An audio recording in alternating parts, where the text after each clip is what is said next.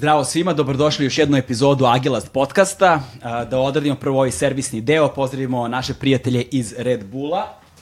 Opa i da pozdravimo naše partnere iz Volta. U pitanju je Volt kućna dostava. Kao što znate, možete da iskoristite kod sa imenom našeg podcasta Agilast i da ostvarite 400 dinara prilikom prve poručbine a, hrane ili namirnica razno raznih. Tako da Volt kao kućna dostava objedinjuje jako puno toga što vam je neophodno u svakodnevnom životu. Brzi su, efikasni i kvalitetni, a, tako da velika, veliki pozdrav za njih i apsolutno mi nije problem da ih pohvalim zato što sjajno funkcionišu. Da podsjetimo još jednom, možete da podržite naš kanal pre svega lajkom i subscribe-om, ukoliko vam se dopada sadržaj koji proizvodimo, naravno, ukoliko želite da budemo održivi, možete da nam pomognete i jednokratnim uplatama preko uh, Paypala i mesečnim pretplatama preko Patreona. Takođe, takođe naš podcast možete da slušate na skoro svim audio platformama gde god da slušate podcaste, od Spotify-a preko Google podcasta, Apple podcasta, Soundclouda i tako dalje. Ne znam da nabavljate svoje podcaste, ali da znate možete. Za sve ovo što sam pomenuo, linkove imate u opisu videa. Moji današnji gosti su Iva Čukić i Marko Aksentijević. Njih dvoje su predstavnici kolektiva koji nosi naziv Ministarstvo prostora.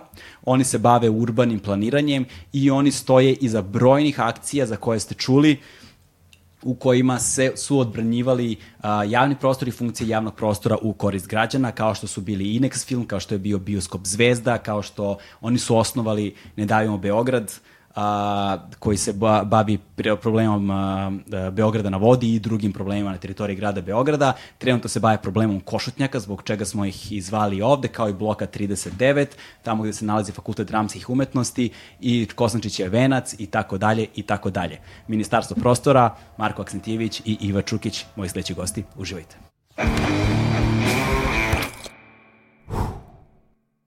Hmm.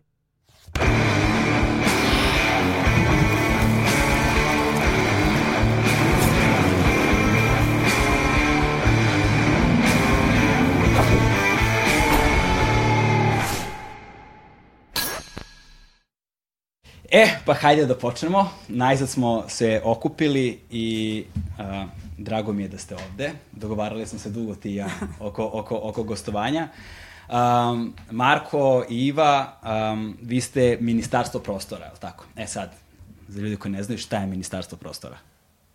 Evo, ako ćeš ti. Šta je ministarstvo prostora? Pošto si ti rodonačelnik naziva. Ovaj, pa dobro, ali to je dosta je, da, čudno je taj put. Nisam siguran da bi se tako nazvali da smo, da smo odmah birali ime za kolektiv. To je više bilo neko ad hoc ime za radio emisiju koju smo uh, imali pre nekih deset godina, koja se dakle, bavila temima kojom smo nastavili onda i, i mi da, da, da duljimo. Uh, Ali u svakom slučaju ono što je Ministarstvo prostora danas jeste kolektiv koji promišlja grad i na razne načine podržava građane u, u svojim namerama da, da grad osmisle, da grad odbrane i da, da ga učine boljim mestom za život. Ja ne znam da, da li bi ti to bolje rekla? Ne, ti tako pesnički to objasniš. je li ima neka form, ono, formulacija, pravna floskula koju koristite za ministarstvo prostora? prostora? Ja, Šta ste vi zvanično? Zvanično kako smo registrovani, da, to je da, pitanje. Da. Institut za urbane politike. Ministarstvo ne može da se registruje, nažalost, da. Kao naziv. Da. A, ove, a isto ove, taj naziv u krugovima u kojima se mi krećemo, ljudi znaju Ministarstvo prostora kao udruženje i tako dalje.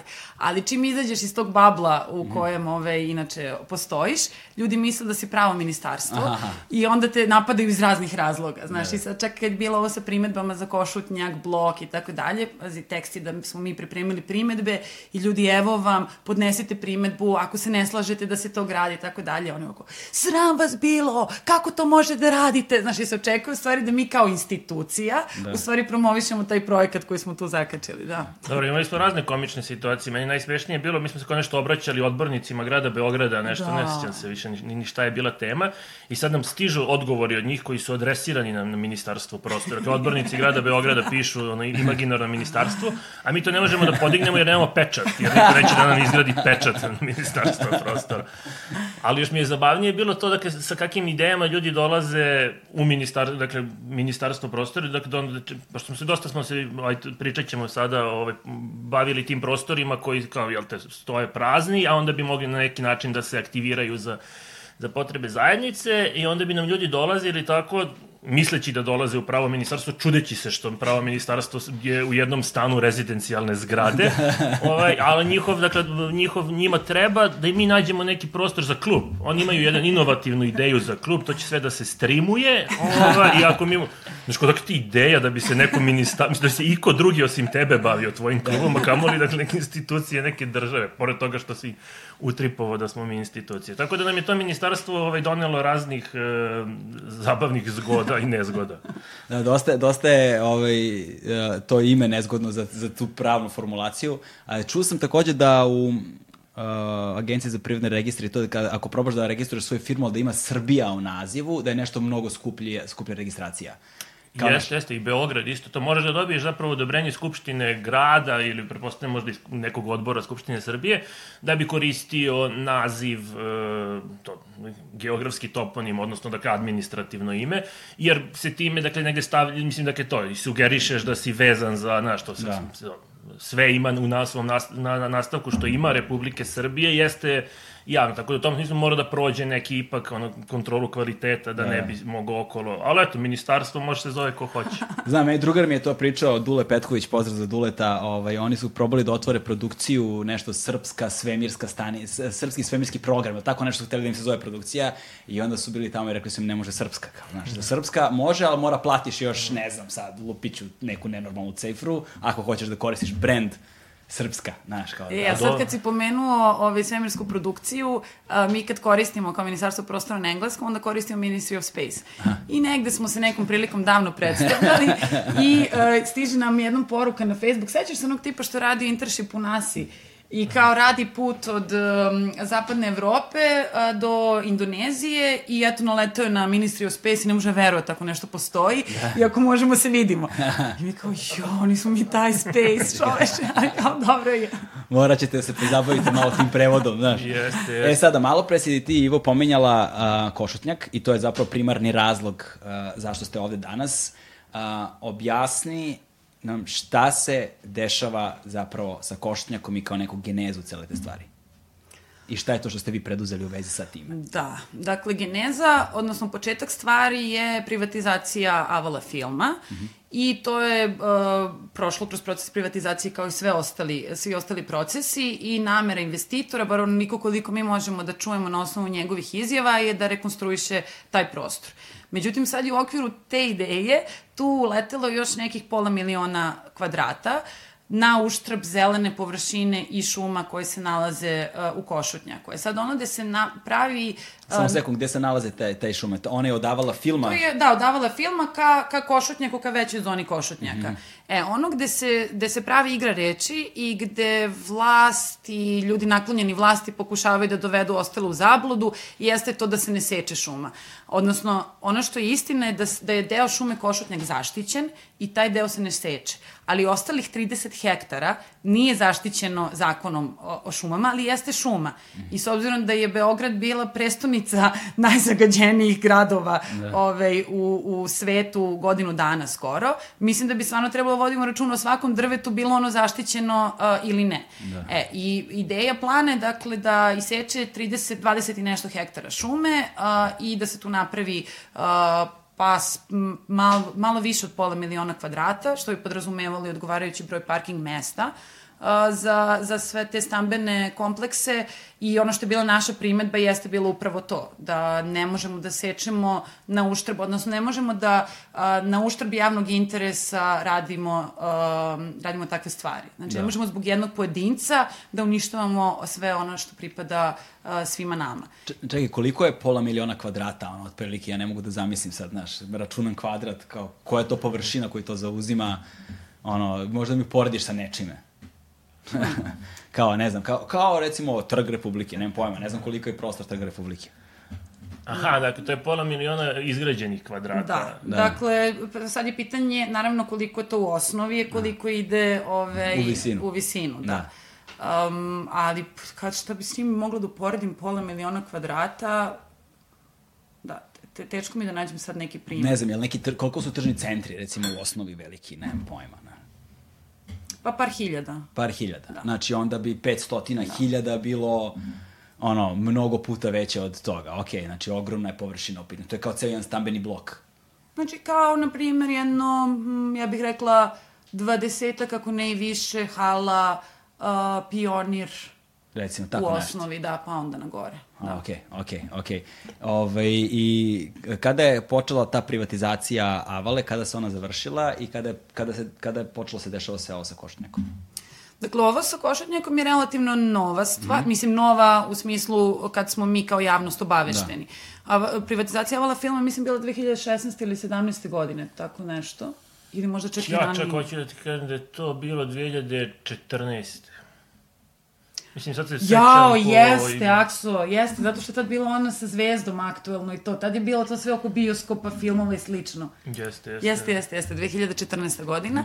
Um, a ovo što je sad izašlo je praktično prva faza u planiranju budućeg naselja. To je rani javni uvid i to je ono kada javnost prvi put bude obaveštena i prvi put može da učestvuje uh, sa svojim primetbama, sugestijama, komentarima u procesu planiranja. E, onda bi komisija, uh, odnosno uh, onaj koji obrađivač plana, to je u ovom slučaju urbanistički zavod, prikupi sad sve te primetbe, onda u idealnom ovaj, svetu oni to sve tako obrade i onda naprave sledeći predlog plana na osnovu svega toga što su dobili mm -hmm. i taj plan ide ponovo na uvid, onda mi ponovo pišemo primetbe ukoliko ih imamo i onaj ko je podneo primetbu učestvuje na javnoj raspravi Okej. i tu razgovaramo i tako dalje. I to je procedura. E sad, oni će verovatno zbog ove um, cele epidemiološke situacije to verovatno odlagati i sam proces sada slanja primetbi je uh, va, odnosno nezakonski, ajde tako da kažemo. Dakle, to je neka kutija koja stoji ispred sekretarijata gde vi ubacite vaše primetbe i to je jednako kao da ste ih ubacili u kantu za smeće, jer niste dobili nikakav delovodni broj, ne postoji nigde evidencija da ste to napravili i onda je to takođe podložno manipulaciji. Ok, e, i u kojoj fazi se nalazi sada tih uh, 500.000 kvadrata na Koštnjaku? Oni se sad nalaze u, u fazi toga da Urbanistički zavod a, obrađuje naše primetbe mm -hmm. i pokušava da izađe s nekim planom, pretpostavljam, koji bi, ja se nadam, stvarno uvažio te primetbe, jer je njih bilo preko 7.500 hiljada. I kad kažem naše, mislim na sve primetbe koje su podnete, a to nije samo ono što je Ministarstvo prostora radilo, već i bitka za Košutnjak i različiti pojedinci i udruženja koja su a, u tome učestvovala. E sada, celokupna ova stvar sa Košnjakom na koju ćemo se vratiti zbog koje ste ovde je zapravo deo jedne mnogo veće slike problema koje ovaj grad uh, ima i ne samo ovaj grad, nego zapravo i ovaj grad je simptom onoga što se dešava u celoj državi. Um, I volao bih za, da počnemo tu priču o vama i o akcijama koje ste vi radili. Ovaj, a, i da, da je dovedemo nekako do ove priče sa Košnjakom, tako što ćete prvo da kažete nešto o sebi, kao naš. Ko ste vi i zbog čega ste vi ti koji mogu da govore na tu temu? Kao, šta, šta, šta, vam je dalo, šta, šta vam je dalo autoritet? Stvarno mi je dalo autoritet i legitimitet. Pa Ti ja si mislim... arhitekta. Da, jeste. Ja sam arhitekta uh, po uh, osnovnom obrazovanju, a onda sam doktorirala u oblasti urbanističkog planiranja, tako da je tu se u stvari desio taj, ta šira slika Aha. bavljenja gradom. Ali čak nije došla ni uh, kroz formalno obrazovanje, nego kroz poznanstvo sa ovim ljudima. Aha. Dakle, ja sam tek kad sam njih upoznala i počela s njima da razmišljam na temu kako grad treba da izgleda, shvatila da postoje različite perspektive koje isto imaju neka smatranja o gradu, koje mi na fakultetu nikada ne obrađujemo. Nego Kao na ti- primer? pa znaš, politikolog ili neko koji je, uh, koji je sociolog ili filozof imaju drugačije tumačenje šta je grad. Za nas je grad kao arhitekte ili urbaniste fizički prostor. I uh, mi na fakultetu učimo da si ti bog koji jedini koji znaš kako grad treba da izgleda, ne samo grad, nego i bilo čiji prostor, i da uopšte ne moraš da se konsultuješ s drugima. Što je jedno potpuno pogrešno smatranje, jer prvo niti imaš tu moć i to znanje, a drugo, grad jeste ono sinteza svih naših ponašanja, navika, mišljenja, potreba i slično. I onda one dolaze iz različitih iskustava, iz različitih nauka i disciplina. E, to je prvo što je meni bilo kao, wow, nekako otkrovenje, a onda mi je bilo zanimljivo način na koji smo mi počeli da tumačimo uh, prostore koji su nam bitni, potrebe iz tako nekih druženja, iz onoga što kao primećuješ da je problematično i m, mene je u stvari to što se desilo, to osnivanje ministarstva prostora i druženje sa, sa ovim ljudima i nekako odvelo na put doktorata. Nisam Da, da. ja to imala ambiciju kao da radim pre toga. To mi je super zanimljiva tema, volio bih sad da pričamo malo više o tome, a ko, su, ko ste to vi, ti ljudi s kojima se Iva združila? ja koji predstavljam ovde sve ostale ljude. Ovaj, pa moj, moj e, put je dosta jednostavniji, ja sam, jel te, politikolog, a mi imamo smatranja po svim temama, pa tako, eto, nam se za- zalomilo. Šalim se, ovaj, mene je, e, tako to, pre nekih desetak godina, dakle, da, te- teorijska literatura koja se bavila da, prostornim aspektom društvene pravde negde najviše, najviše privukla, jer mi je prosto bila najbliža u tom smislu da ja se, jel te, krećem kro- kroz grad i mogu da se... Kako se rekao, odnos- prostorni aspekt? društvene pravde. Društvene pravde. Jel to Koji- su više kompleksno? Ne, nije kompleksno, ali me zanima primjerom da mi ilustruješ.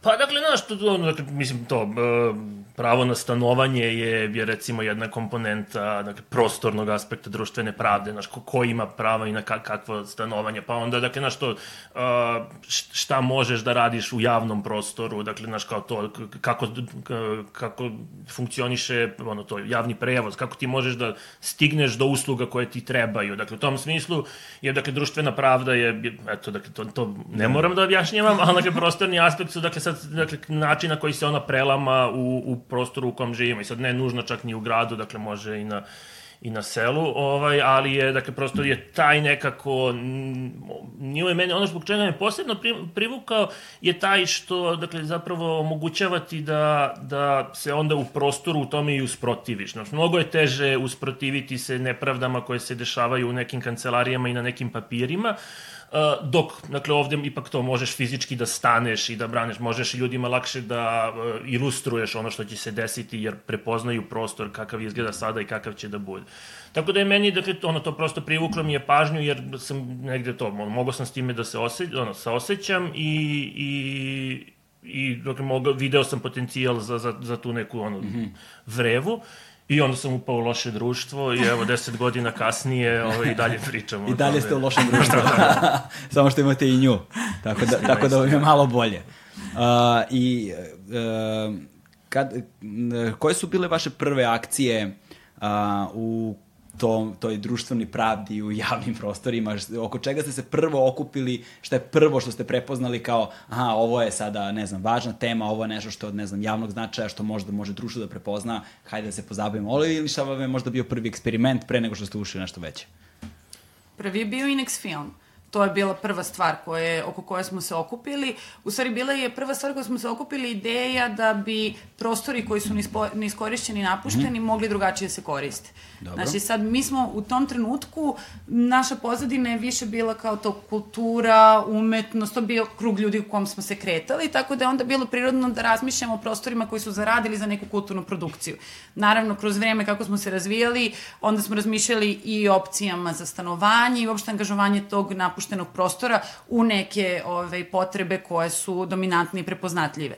Um, I Inex film je delovao uh, zanimljiv zato što je dovoljno udaljen od grada da, ove, da kao to nešto eksperimentišeš, opet nije mnogo daleko, a Aksi Dobrica su živeli blizu pa su ga usput i mapirali. Ok, za ljude koji ne znaju, pošto nisu svi koji slušaju iz Beograda, Tako. dakle, kontekst Inex filma, gde se Inex film nalazi, malo daj Na jednu. Karaburmi. Dakle, Inex film se nalazi na Karaburmi. Da. To je jedno 4 km od, od Trga Republike. Tačno da. 35-icom. Dakle, nije to toliko strašno. Samo je nama nekako deluje kao da je ono baš remote prostor.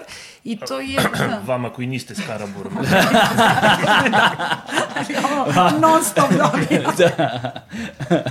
ne, tu postoji posledica, verovatno, a, zbog toga što je celokupan sistem u Srbiji centralizovan prilično, znaš, sve se dešava u Beogradu, a unutar samog Beograda sve se dešava u centru grada, manje više, znaš, i onda ukoliko si iz centra grada, ti zapravo praktično nemaš nikakvu potrebu da se mrdneš dalje, osim zbog nekakve lične znatiželje ili zbog nekih rodbinskih ili prijateljskih odnosa i šta ti ja znam.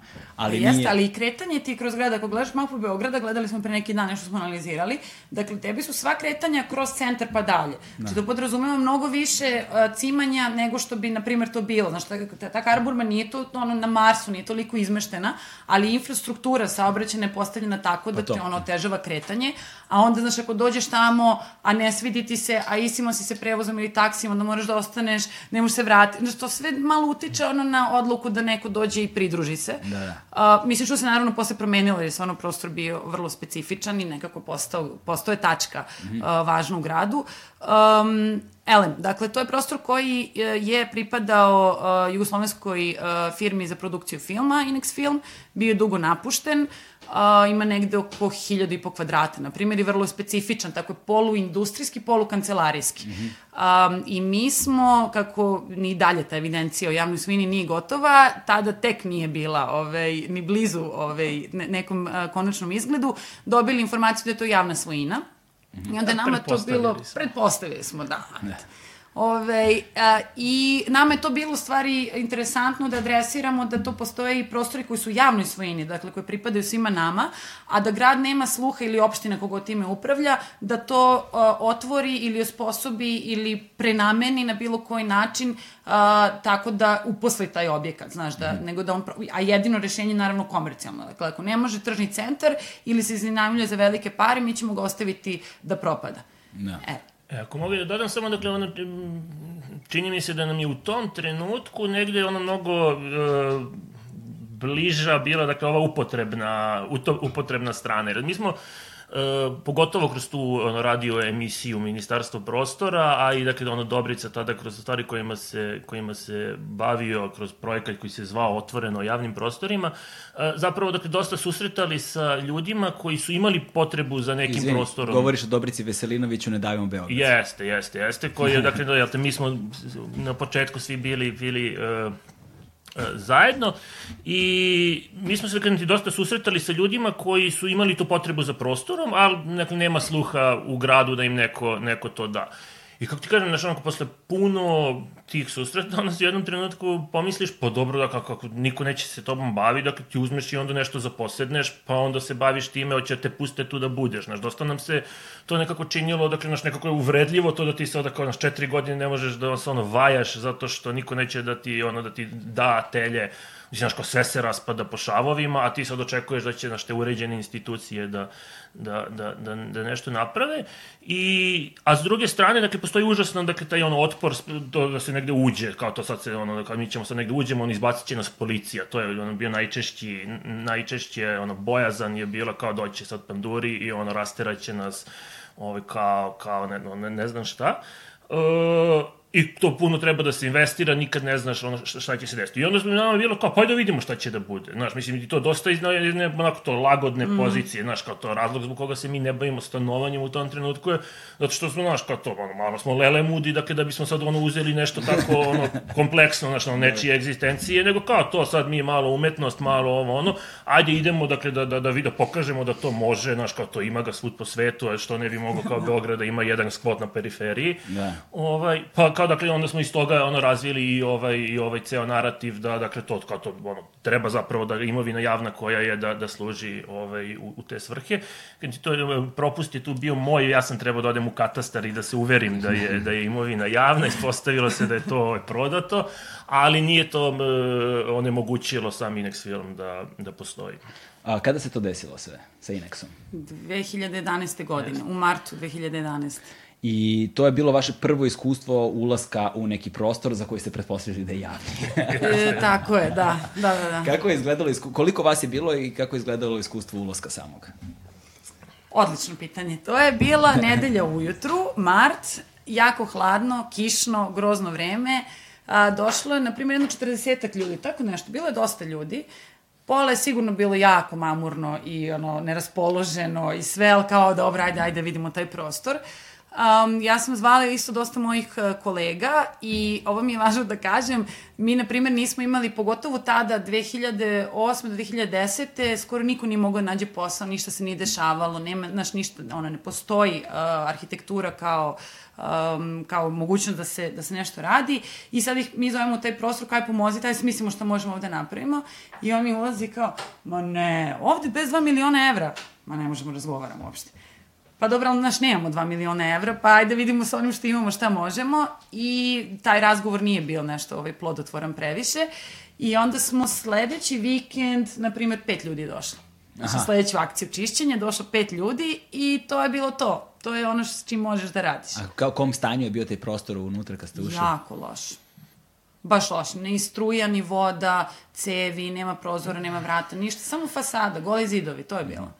Da, skeleton Da. I ono što isto što možda što je, mislim, možda, sigurno važno reći, da zapravo ekipa koja se onda, dakle, vremenom nastanila u, u Inex filmu nije bila ekipa koju smo mi mm. inicijalno zvali. Dakle, to i dalje nisu bili da. ti ljudi kojima treba ne, ono, prostor, ovaj, dakle, koji očekuju da se prostor prosto, dakle, to reši na neki način da bi oni mogli da se, mm da se bave drugim stvarima, nego su se tu, dakle, prosto kad, kad se ono, jel te, zapatilo da, da da se taj prostor sada osvaja i tako onda i pogotovo da se pojedinačne prostorije zauzimaju, onda su se pojavili razni ljudi kojima je to prosto bio ono blizak blizak e, koncept, dakle taj malo divlji zapad, ovaj dakle to bilo je on prekomično od tih ono prvih nedelju dana od kad su počele prostorije da se zatvaraju, jer bi onda naš tako pobadali zastavice, ne. bukvalno naš kao Marina prostorija, pa onda dođe neko skine i stavi Slavkova i to. Ovaj dosta je bilo do, do, dosta je bilo dinamično, ali krenuti nekako je, dakle, mislim to, pokazalo se da, da, da, da će da to se skućiti onaj ko, ko nešto to preduzme. I ono, znaš, mi smo, tad bi bilo dosta te priče, pa ne znamo kada će nas izbaciti, a znaš, to ne znaš ni kako ćeš drugačije rešiti, aj sad ovo kao sredimo, pa onda vidimo koliko će biti. Ispostavilo se to trajalo pet godina, ne znam. Yes. Pet godina prema što se izbacili odande. Pa i to je pa, tužna priča. Da, to je, ovaj, da. Ne znam da li da odmah ovaj, krenemo sa tužnim polkama. ne, stići, stići ćemo, stići ćemo, da, da, da. nego pre toga, ali ti smeta ta da, dracena tu, pomeri je slobodno iza sebe. Ono... Ne, ne, ne, ne, ja volim da sam blizu biljke. A, dobro, dobro, dobro, okej, okay, okej, okay, vidim, mašeš, brate, zostavljaš Viljko. okej, okay, um, E sada, a, da, samo da se vratimo jedan korak unazad na ova smatranja kojima si ti govorila, koje su mi dosta zanimljiva, zato što rekla si da je tvoj ugao posmatranja bil, bio iz, iz onog naučenog ugla arhitekte. Jel te? I onda si otkrila zapravo da grad postoji ono u suživotu i u simbiozi sa mnogim drugim uh, oblastima delovanja, razmišljanja, potreba građana, jel te? I da na neki način oni svi moraju da žive zajedno i svačije potrebe moraju da budu ispunjene. Uh, Na koji način se tebi otvorio taj plan? Zapravo, da li možeš da mi ilustruješ nekim primjerom kao da si jednu stvar posmatrala isključivo na svoj, ne znam, taj arhitektonski način, a onda si uvidela upotrebnu vrednost te iste stvari na mnogo drugih načina koje su si potpuno previdela, koje, su, koje ti je pomogla da kreneš napred u tom smeru? Znaš, kad govorimo o tim smatranjima. Um, I nešto o čemu ljudi inače ne razmišljaju, znaš. Hoću samo da pomenem zato što bih volao da izvučem paralelu sa time da građani treba da shvate da prostor pripada njima prvenstveno i da oni polažu pravo na njega i da ljudi, vi u svom kraju, gde god da se nalazite, slušate ili gledate ovo, ako imate problem sa nekim prostorom negde, imate pravo da se bunite protiv njega, imate pravo da zahtevate ono što vašoj zajednici treba ali treba da prepoznate šta je to što vašoj zajednici treba i treba da prepoznate da na nešto imate pravo. Eto, to je ono. Znaš, kako je izgledalo tvoj razvojni put shvatanja toga i ulazka u sve to? Pa upravo, na primjer, ja mislim da meni Inex film dosta pomoga u tome. I to je da tema oživljavanja napuštenih prostora za potrebe kulture je nešto što je jako dominantno u, na arhitektonskom fakultetu, vrlo često tema diplomskih radova, vrlo često tema raznih studija, ali to izgleda tako što ti to sve zamišljaš kako će to da bude, nikada u stvari ne ulaziš u to ko će taj prostor da koristi, na koji način, da li je to potrebno ili nešto drugo. Znaš, prosto kao živi kao neka, ajde da kažemo, seksi tema, znaš, da, pogotovo kad se pojavio Tate ili tako nešto, to je bil, Tate Modern u Londonu galerije, to je bilo nekako kao, wow, sad ćemo to svi. I mislim, ja sam inače diplomirala sa, ove, sa takvom temom, isto da sam radila rekonstrukciju termoelektrane Snaga i svetlost na Dorčelu u novi uh, kulturni centar Beograda. I naravno, posle diplomskog zamišljala sam ja sledeća arhitektonska zvezda, samo svet mene čeka. Da, da, da. Što kao čim sam shvatila ne mogu da nađem posao, bilo mi je jasno da je sve, ono, sve pogrešno u toj a, konstrukciji. Um, e, i kroz rad uh, u Inexu sa ljudima i kroz to zajedničko oblikovanje prostora, prema onome što ljudima stvarno treba, sam shvatila u stvari koliko je bitno i koliko ti ne možeš sam to da napraviš. Znači, koliko je u stvari, mi smo školovani da ono što su potrebe prevedemo u prostornu neku fizičku manifestaciju. Mm. Samo što mi to ne radimo jer nemamo nikad kontakt sa ljudima stvarnim, znaš, nemamo kontakt sa stvarnim potrebama. Čak i kad završiš fakultet i zaposliš se, onda imaš kontakt sa investitorom kojem je bitno da zaradi. Tako da ti opet nemaš, znaš, na primjer sad u novogradnjama investitor želi da nabuca kvadrate, što više, jer je njemu to bitno da napuni džepove. I onda su stanovi u nekoj nesrazmeri. I onda čak i ako gradiš stanove za one koji mogu da ih priušte, ti stanovi nisu kvalitetni stanovi. Znaš, nije to ovaj, stvarno ono što kao omogućava neki kvalitet života i komfor. E, sad dolazimo do tema koje ljudi mogu da razumeju. Znaš, kao, zašto je važno to čime se vi bavite i to o čemu vi promišljate. Jer recimo, upravo sa investitorima, posledno što se Beograd gradi kao sumanut poslednjih deseta godina, ovaj, to su imali sa Stepa Stepanović naseljem i sa brojnim drugim naseljima su upravo to. Prve zamerke svih ljudi kad uđu u novogradnju, kad su prvi vlasnici stana, ono, čujem komšiju pored sve što radi, otpada mi plafon, ovde ne mogu lepo da otvorim vrata. To je kao kad kupiš neki predmet što mi je lep, pa ga doved, doneseš kući, a nije funkcionalan. Ja, da. ne znaš šta ćeš s njime, jer nije baš ni ergonomski, nije baš ni da ovo radi kako treba, a ne slaže ti se lepo ni uz ovo i zapravo sva lepota pada u, u, u vodu zato što nije funkcionalan na način na koji tebi to potrebno da bude. E sad, kako, kako je izgledalo tvoje iskustvo razvoja onda kroz situaciju sa Inex filmom i sa svim ovim, uh, nemamo 2 miliona evra, znači nećemo da radimo? Um, naučiš da slušaš druge, naučiš da više obraćaš pažnju šta je to što ljudima stvarno treba, kako da onda svoje znanje uh, uposiš u tom pravcu, da ono isto postane korisno.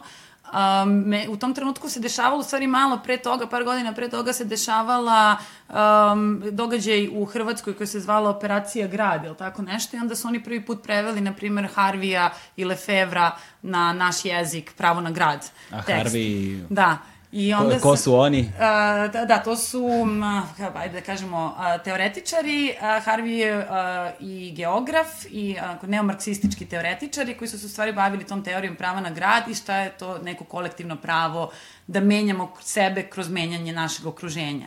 I onda meni to bilo kao, wow, čoveče, kako je ovo što mi je totalno sad promenilo perspektivu. Tako se tu poklopilo par stvari koje su mene izmestili iz tog konvencionalnog bavljanja arhitekturom i urbanizmom i odvelo me u neku potpuno desetu stranu, koju ja u tom trenutku nisam pojma ni šta znači, ni gde će to da ide. I sećam se, ove, moja mama je bila prilično očajna, ove, što je kao ulagala u mene toliko dugo, a ja s diplomom čistim neki, neko smeće u napuštenom objektu. da, da. I ja bi sad da ubedim da kao to postoji neki razlog, ali ni sama ne znam. Znam da, da. me to vozi i super mi je, samo ne znam gde tačno ide. Da, da. I onda se to posložilo vremenom. I uh, sad idemo na, ono, evo, spremna je violina, naš zatužni deo Ineksa. pa nešto, dakle, ono, uh, dakle, evo sad to kao u retrospektivi, uh, kao na, najveća greška koja je, koja je možda kao napravljena od strane nas u tom smislu. Da Što nisi otišao u katastar? ne, ma ne, dakle, to se postavilo najmanji problem. To je super posle, da. Dakle, to ti je, ovde ti je, dakle, dosta važno za kolektive, to će se ispostaviti da imaš neprijatelja. I, dakle, nama bi mnogo bolje bilo da smo imali grad Beograd koji će da nas izbaci iz tog prostora, to bi se napravio jedan pošten front, znaš, kao to kad imamo spoljnjeg neprijatelja, mi smo zajednica, mi ne umemo da funkcionišemo, to kao sad sve okej okay i on treba da se dogovorimo ko će izbacuje đubre. A ovdje se ispostavilo da je, da je vlasnik, dakle to neki lo, lokalni bogataš uh, koji je ujedno i najveći kolekcionar srpske savremene umetnosti, koji na to, pa ajde, u najmanju ruku gleda benevolentno, dakle ni sve jedno mu je, dakle to, on svakako ne koristi tu zgradu, pa ako će sad neki umetnici da budu tu dok, dok dok njemu to ne zatreba, sve super dok, dok, dok, dok ne bude došlo do toga. Ono što je, kažem ti, dakle, gde jeste bila možda, mislim možda, dakle, sada smatram naša, naša ovaj, greška, što nismo bolje postavili uh, neke osnovne pravila u, u startu. Dakle, naša teza je bila da dakle, to sad jednako pripada nama kao i, i svakome ko će da, da, ko će da uđe. Mm -hmm. ovaj, ali, dakle, to je onda dovelo do toga da ljudi zapravo imaju potpuno drugačije vizije toga zašto su tu. Znaš, ne, ono, imali smo ekipu koja je bilo, pa mi smo ovde, ono, krivično delo je što smo nalazimo ovde, kakav politički statement, tu smo dok nas neko ne potera, onda bežimo. Ove, znaš, nismo imali ono osnovne dogovore, znaš, ono, kao, kako mi funkci, kao zajednica funkcionišemo, znaš, ono, kao to što je, ne znam, bio društveni ugovor, ono, ovih kolonizatora, ono, dalekog zapada, kao nešto smo se na tom brodu dogovorili, da kad tamo stignemo, jedan će biti šerif. Ja mislim sad ono, karikiram, ali prosto naš, mi je bilo, ba to ćemo mi sve se dogovoriti, dakle sad je, ono, sad je to jedna ono, derudna zgrada, pa šta se, šta se napravi. E, I sad, dakle, to sigurno jeste doprinelo tome da se to dosta brzo dovede u funkcionalno stanje, jer su ljudi imali, dakle, taj incentiv da, da, da, da stvari urede, jer su sad, znaš, neko privatizovali te ono, sitne uh, džepove prostore. Uh, Ovaj, ali je dosta napravilo jednu tenzičnu zajednicu gde, gde sad imaš, dakle, to je karikaturalne podele na ono to umetnike i anarhiste i unutar umetnika na slikare i žonglere i znaš ono dakle baš je ovaj po svim Narciza malih razlika. Pa to da, je to. da, da, da, da, da.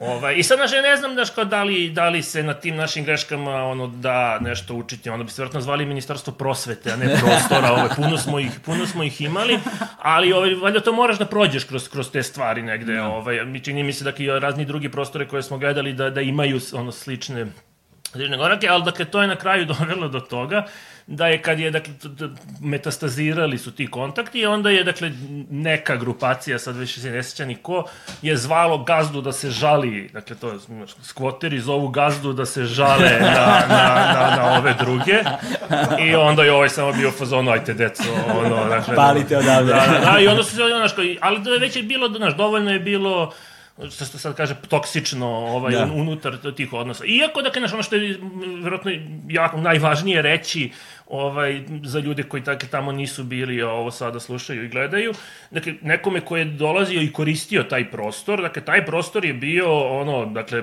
prostor slobode, dakle, tamo si stvarno mogao da dođeš i da, ono, zablejiš, dakle, 72 sata, ono, neprekidno, dakle, bili su to, dakle, mogo si žongliraš, mogo si da slikaš, mogo si da, ono, da, da, da, da radiš ono šta si hteo, dakle, i, i mogo je da dođe bilo ko i da organizuje šta je hteo, nisi, tamo su se organizovale švenčanja, dečiji rođendani, znaš, da ne spominjem sad to punk svirke, a, znaš, bio je vrtić za ono lokalnu romsku decu, ovaj, koji je radio, dakle, svakog dana, mislim, dakle, znaš, to je stvarno bio jedan prostor koji je, ono, pokazao svu moć toga šta, šta ti dobiješ kada, kada dakle, tu prosto aktiviraš ono jedan zapušteni uh, resurs, dakle, da se to radilo pametnije, to bi ono i dalje stajalo i, i, i, i bilo bi još, još moćnije, ali je prosto, dakle, ono, prštalo je od života i dakle kažem ti ono ja kad sam dakle mi smo se u jednom trenutku dosta umorili dakle sukcesivno smo ono jedan po jedan otpadali iz toga jer se znaš tu sad imaš i sve te naš nepoverenje spram nas jer kao šta ćemo mi tu ako mi nismo sami uzeli neki prostor? Znaš kao ko, ko je tvoj interes ovde znaš pa su onda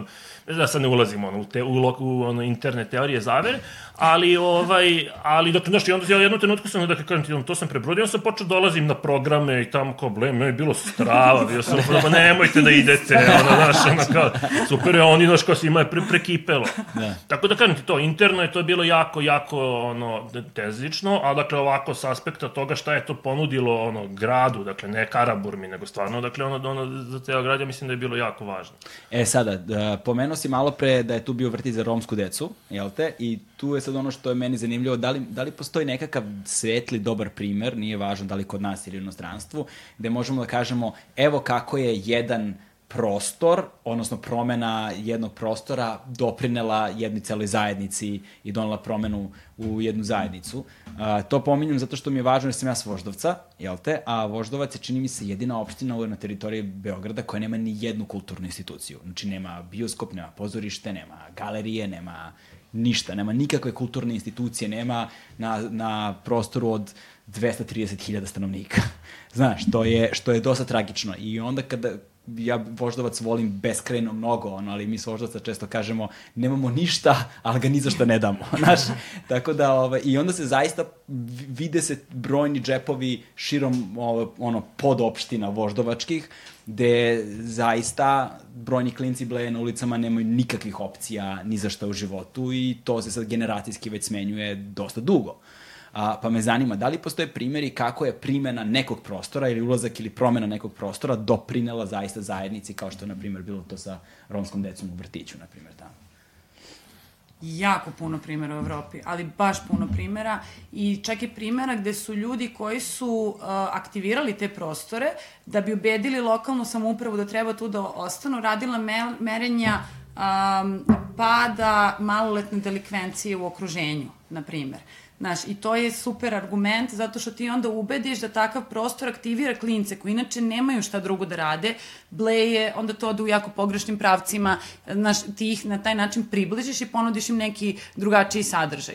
Ja bih voljela samo da pomenem uh, primer koji je odavde, koji nije toliko upućen na lokalnu zajednicu okolo, koliko kao na neki širi, uh, na neki širi, ajde, šire okruženja, to je magacin, na primjer u Kraljevića Marka, a, koji funkcioniše po principu otvorenog kalendara. Dakle, prostor je resurs, niko nema pravo na njega, pravo u smislu prioritet, a svi mogu da ga koriste kad god hoće.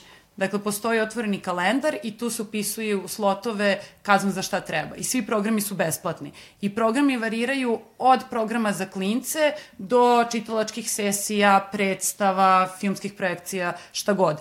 I ono što je važno u jednom trenutku, taj prostor je Uh, prepoznao, to je bio uglavnom prostor namenjen kulturi i uh, savremenoj kulturi i stvaralaštvu, uh, prepoznali su da prvo, kao, odnosno mo, prepoznali smo, mi smo kao deo magacina, ove, da moraš da ga otvoriš da bi ga zaštitio. Znaš, i da a, to treba što više ljudi da ga oseti, jer onda postaje deo njihovih života. Znaš, onda ti braniš i znaš zašto je on važan u tvom okruženju i zašto je važan u tvom životu.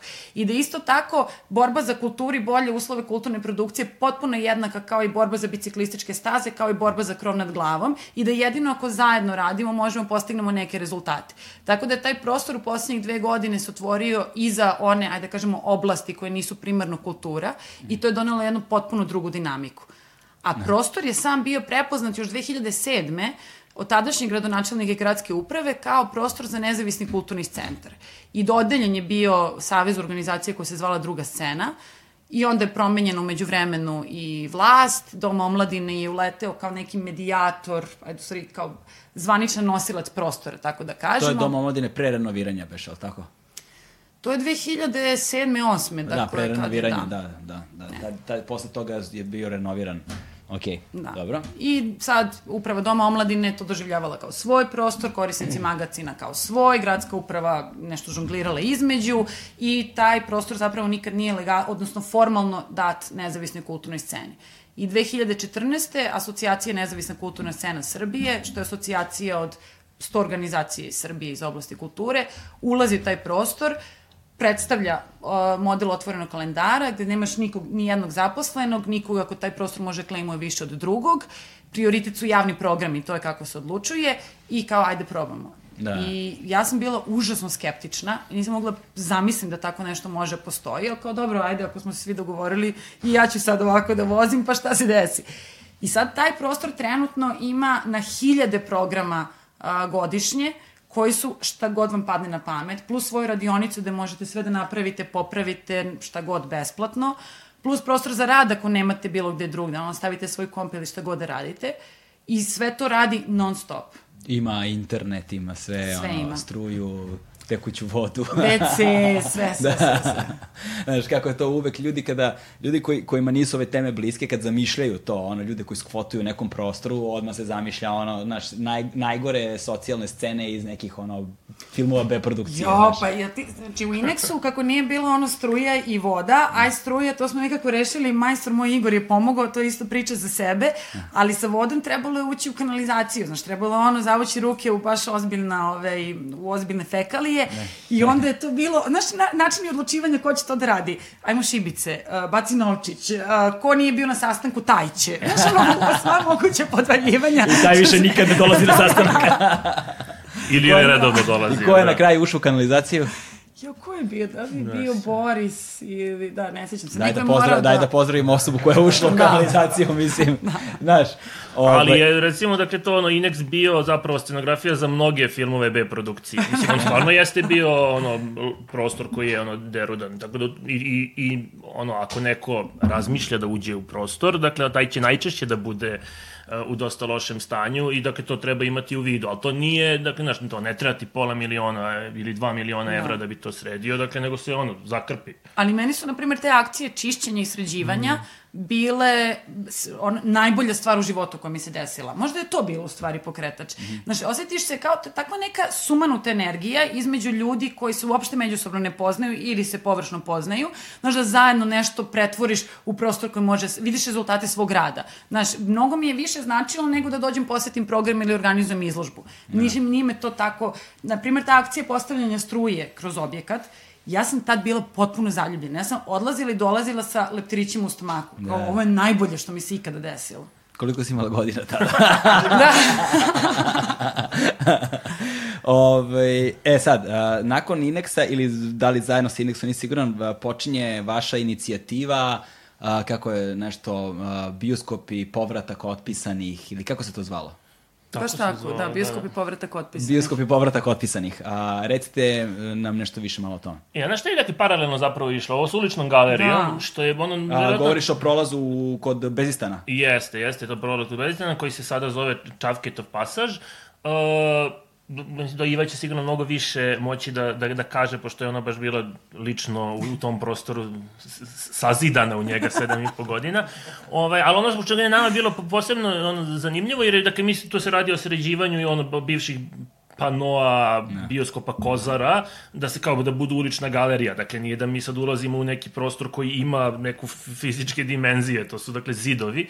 Ovaj, I sad, dakle, taj formalni proces sa sve opštinom koja je jako blagonaklona i hoće da pomogne, na što traje dve godine. Dakle, ti si ono iz- izvršio elektrifikaciju Inex filma, to je uveo vodu, dakle, ono, ti si uspostavio si te, ono, zgrade od hiljadu i po kvadrata, mnogo jednostavnije, dakle, na oruk, nego ovo gde si, dakle, imao svu podršku ono tadašnje opštine Stari grad, ovaj, koje, dakle, prosto dok, znaš, dok se sad tu, da ne ulazim šta je sve birokratski moralo da se desi. Tako da, znaš, ko, to, ko što ti je i dan danas, ono, mislim, pogubno, ali istinito, dakle, ono, lakše da sazidaš ilegalno pa da legalizuješ ono svoju zgradu, nego, nego da prođeš kroz celu proceduru. I lakše, i brže, i jeftinije, mislim, znaš, kao, dakle, to je potpuno je, potpuno je suludo. Da, mislim, evo, pri, primjera radi, ja mislim da sam tebe upoznao baš u uličnoj galeriji jednom prilikom i evo sada si mi ovde u podcastu, razumeš? Tako da, prostori čine svoje, ovaj, sklapaju se prijateljstva i mislim da sam baš sa Dobricom, ovaj, kako si malo prepomenuo, pri- pa, pričao a, kad, kada smo imali ideju pre izvesnog vremena o ulasku u bioskop Voždovac, legendarni bioskop Voždovac, jeste, jel te? Ovaj, a, kako je važno da klinci iz kraja uđu u Voždovac, a ne tamo neki ljudi, neki aktivisti, ovi ili oni, jer svako će da dođe na žurku, svako će dođe da se fotka, znaš, svako će tu da bude prvi 7 dana, ali to kad treba da se uđe u kanalizaciju ili, znaš, da se razvlače kablovi ili da se stane u odbranu toga tri meseca kasnije ili kad dođe januar, pa je zima, pa je minus, pa je ovo, pa je ono, e, ko će onda da bude tu, znaš? Ovaj, I da je važno da ljudi steknu nekakve iskustva sa prostorom, jer onda se vežu za prostor, imaju nekakvu emociju prema njemu i onda su spremni da ga brane i shvate vrednost njegovu zajednici u kojoj žive. Tako je, da. Ne. Ti postaneš u stvari, de, toliko to postane deo tebe da, ga, da ti ne možeš više se odvojiš od toga. Znaš, to je jedno iskustvo i onda ga braniš i to je kraj, znaš, to je tvo, tvoje. Tako jedino postaje deo tebe. I deo zajednice, to je, e, sada. Um, uh, ulič, št, je sad status ulične galerije?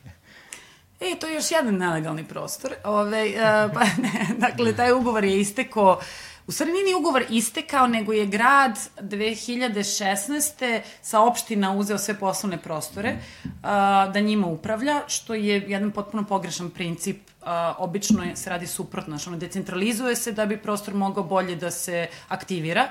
E, ovde je ove, išlo, otišlo na opačke, tako da smo mi ostali bez uh, tog ugovora, ali taj prostor i dalje funkcioniše i on je ove godine je u aprilu bio osmi rođendan, a dve godine pre, da, dve godine pre toga smo mi pregovarali sa lokalnom samoupravom, tako da sam ja u stvari skoro evo deset godina bukvalno sazidanom taj prolaz. Ove, uh, pa da, mi smo pregovarali sa opštinom Stari grad, znaš što je bila kao ideja, ajde da aktiviramo ovaj prolaz mm -hmm. i nekako je delovao kao galerijski, znaš što imaš te plakate, onda kao hoćeš da ovim primerom pokažeš kako jedan javni prostor može da izgleda, da ne mora da bude nelegalni parking i javni WC, može da bude bilo šta drugo. I sad ti pregovori su u početku bili dosta teški, jer, znaš, opština ne veruje da ti sad samo hoćeš da središ to i da nećeš da zaradiš. Da. Prosto neverovatno, što pa ne, sigurno hoćete neki kafić, ili si ti sad neki ogranak neke partije, omladinci neki koji ovde rade promociju, samo njima to nije jasno. I onda se tako ubeđuješ jako dugo sa njima. Koliko dugo? Dve godine ukupno. Dve godine. Dve godine, ja sam negde već pred kraj bila potpuno odustala i kao ne mogu, ono, ne radi mi se ovo. Uradila sam bila projekat rekonstrukcije toga, tog prolaza, imali smo ideju kako će da funkcioniše program, kako ćemo neku lovu da namaknemo da to može da se plati štampa mm. I ko će to sve da održava, naravno, ove, smo na kraju to bili mi. Uh, I sad negde pred kraj tih pregovora, ja kao ne mogu, nisam sigurna da mogu, a Mika Radomir Lazović, koji je tada isto bio deo naše kolektiva, sada inicijativa Ne davimo Beograd, ovaj, odlazi na pregovore uh, sa poslovnim prostorom i iz čistog blefa znaš, kad je kao to već bio kraj i bilo je jasno da prostor nećemo dobiti, kaže, ali vi znate da ovako nešto postoji u Zagrebu? Što nije istina. I ovaj kaže, pa ovde će ih biti 50. I potpiše i mi dobijemo čudo. taj papir i krenemo u rekonstrukciju prolaza, prolaz gotov, sve to ovaj, se desi i sad je pitanje ko će se baviti tim prolazom. Što naravno ja nisam imala ideju da to, radim, niti sam se doživljavala kao kustuskinja i uopšte kao bilo šta što bi sad trebalo da ovaj, dalje živi. I mi smo to preuzeli i bavljanje tim prostorom. E ono što bih dodala na ovo sa čišćenjem jeste i da kad neki prostor izgleda napušteno, u stvari u njemu se prelama milijardu interesa koji se uopšte ne vide. Znaš, od toga da taj koji, e, taj nelegalni parking zapravo neko naplaćuje, do toga da dom sindikata ima svoje interese, do toga da što, oni, što imaju prodavnici imaju svoje, pa ovaj što je privatizovao Kozaru svoje i ti u stvari e, si u jednom periodu koji ovde trajao, na primjer, još dve, tri godine konstantnog konflikta sa ljudima koji hoće taj prostor za sebe. E, i onda kad dođe sledeći neko koji u blizini nešto svoje radi, onda je to zajednički neprijatelj neko drugi i ti si spašen. Znači, da, si da, da, ono, da, da. progurao si ovaj... Ko je ovde došao kao zajednički neprijatelj? A, ovde je došao kao zajednički neprijatelj, a, investitor i hotel i onda je to, naš, bacanje smeća. Oni su bacali WC šolju od ozgu umesto da stave dizalicu, pa je to raznelo ovaj, gomilu stvari tu, pa su se komšijom oko toga angažovale, pa je nekako tu već bila druga dinamika. Da, sećam se da ste imali problem a, sa smećem da, u toj uličnoj galeriji iz ove Kombank dvorane. Kombank dvorana to sad zove, Yes, tako, da, da, da. da, da, ove, ne, mi smo inače to kao smeće, čišćenje, pranje prozora, sve to radili sam, izbacivanje vode, dakle, opština nikad, i sad grad, nije sredio dva šahta, nego to nastane malo jezero, to ono, mini Ada Cigalnija nastane da. to bukvalno, i to nikog ono se ne tiče, onda mi nekim kofama, kao to, izlačimo na minus, ono, 10 stepeni i kao pokušavaš da taj prostor dovedeš nekoj funkcionalnosti. A onda se desila kombank dvorana, koja je u nekom širem narativu s nekim ljudima koji nismo mi bila blagonaklona ka ideji, a prema nama vrlo nenaklonjena, a, iz ko zna kojih razloga njihovih. I to je izgledalo tako što su oni nama uglavnom dan, ot, na dan otvaranja bacali gomile smeća u taj prostor. I mi smo to odnosili, odnosili, odnosili, dok se u jednom trenutku nije desila veličina evo, ove prostorije smeća I ja sam tu, mi je već bio izgoreo fitilj potpuno, uletela sam unutra i htela sam da razbucam ceo hol od besa i uopšte nisam ni reči birala i pretila, a mislim ja kad pretim, znaš, moji su dometi užasno mali, ono, da. šta god, ali kao zvučala sam jako ljuto. Ove, međutim, naravno, oni nisu ove, to ni, ni malo ozbiljno shvatili, što je potpuno razumljivo, a, i onda smo organizovali da u stvari gosti izložbe pokupe svo to smeće i donesu pred glavni ulaz kombakt dvorane.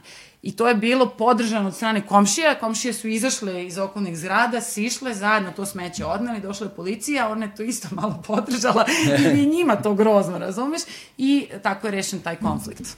Na kraju dana ipak svi treba da budemo ljudi pre svega. To je, to je, to je ono što je narobučenije iz toga. E sada da se, da, da se E, vratimo mogu na... ja ove malo, ja sad ko Miša Vacić, Može. ali može malo vode. ajde, Slopo, ajde Voja Supadi, uzmi, daj da te vide ljudi, čoveč. Ovaj, uh, um, Uh, hajde sada, uh, ono po čemu vas šira javnost verovatno najbolje zna je čuveni upad u uh, bioskop Zvezda. Jel tako? To je, e sada, sa Inexom i sa ovime što ste do sada rekli, dali smo malo kontekst, jel te, svega pre toga, ali zapravo je sve to bio deo te inicijative Beograd pot, povratak, od, bioskop i povratak otpisanih, jel tako? Ajde, uh, ispričajte mi nešto više o tome.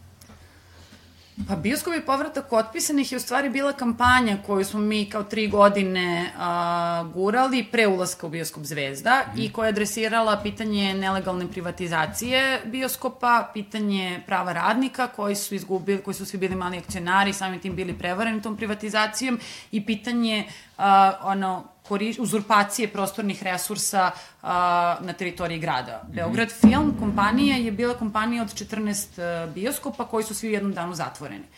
I, znaš, i nije se dovelo pitanje kao pa kako, šta sad, kako jedna, jedan veliki grad nema ni jedan, uh, ni jedan prostor. Uh, Nijedan mi bioskop. Smo, ni jedan bioskop.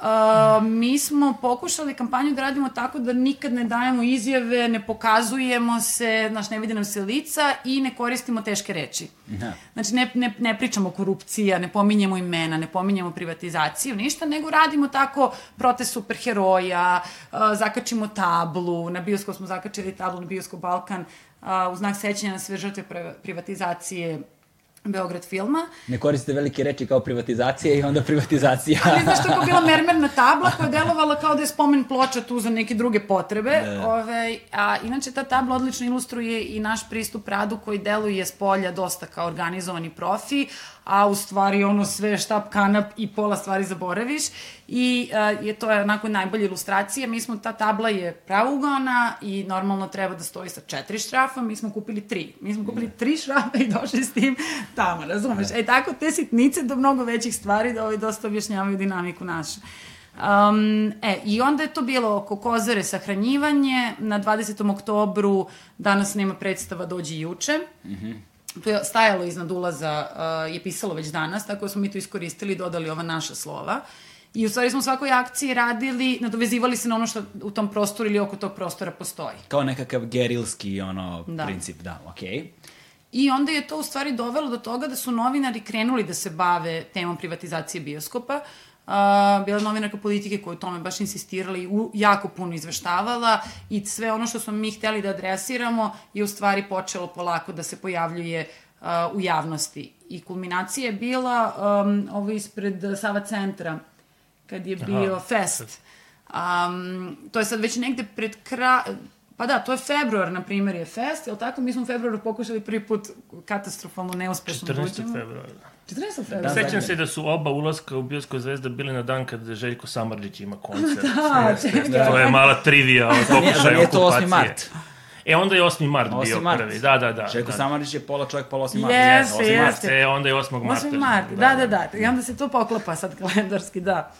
Um, I uglavnom, mi pravimo tu akciju kao a, a, završetak je festa, Goran Marković ima film Plagijator, tu će biti svi, mi ćemo na onaj plato tamo da donesemo 14 krstova na kojima piše imen, pišu imena bioskopa, stavit ćemo kandila i sveće, jako morbidno, ali isto kao vizualno efektno, i vidjet ćemo šta će se desiti. I sad mi kao to postavili sve tu, stojimo sa strane, jedemo kokice i sve vreme razmišljamo kao, i onda kod mene kući ćemo, naravno, posle toga dođemo, birat ćemo fotke i onda ćemo da pošaljemo medijima. Međutim, u tom trenutku sve odlazi van naše kontrole, jer se tu, ne znam, Gordan Kičić fotografiše sa nekim ono, nazivom bioskopa koji je njemu blizak, Goran Marković, ovaj, on, to odlazi u glorije, storije, žute štampe nad kojima mi nikada nismo imali domet i ta priča se sumanuto brzo zavrtela posle te akcije. Da. I tada mi planiramo paralelno s tim ulazak u zvezdu, možda Aksa može. A ja bih samo dakle, još malo ono, kontekstualizovao, dakle, razlog što se mi hvatamo za te bioskope je upravo taj što, dakle, ljudi imaju ta sentimentalna sećanja, znaš, kao to bioskop je nekako, znaš, ono to, pogotovo ti stari bioskopi, to, eto, ti imaš voždovac, dakle, svako si ima neku svoju priču, ovaj, kao to, ono, vezano za, za te bioskope, koji su tako neki ti prostor, dakle, tih, ono, nevinog odrastanja i,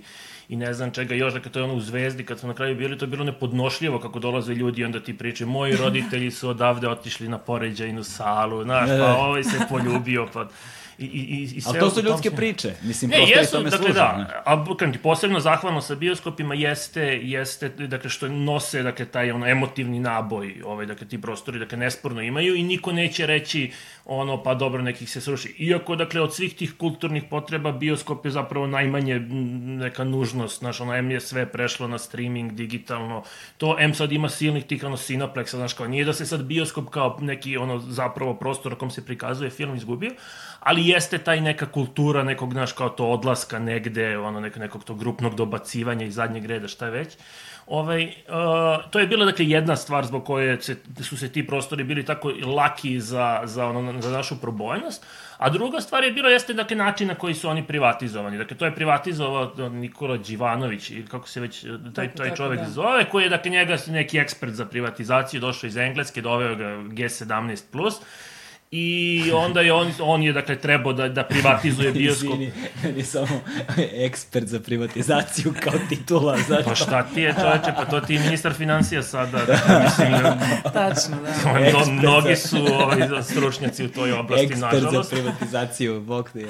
E, i onda je on privatizovao kao, kao stručnjak ovaj, uh, Beograd film uh, sa tom idejom da, jel te, dakle, to se sada nešto će se prodavati kako već ide i da treba da da svoj deo partiji. On nije dao svoj deo partiji i onda je zato ono, uh, otišao niz vodu, tako da je ta, ta njegova korupcija ono delom dokazana u onom smislu gde nije plaćen porez.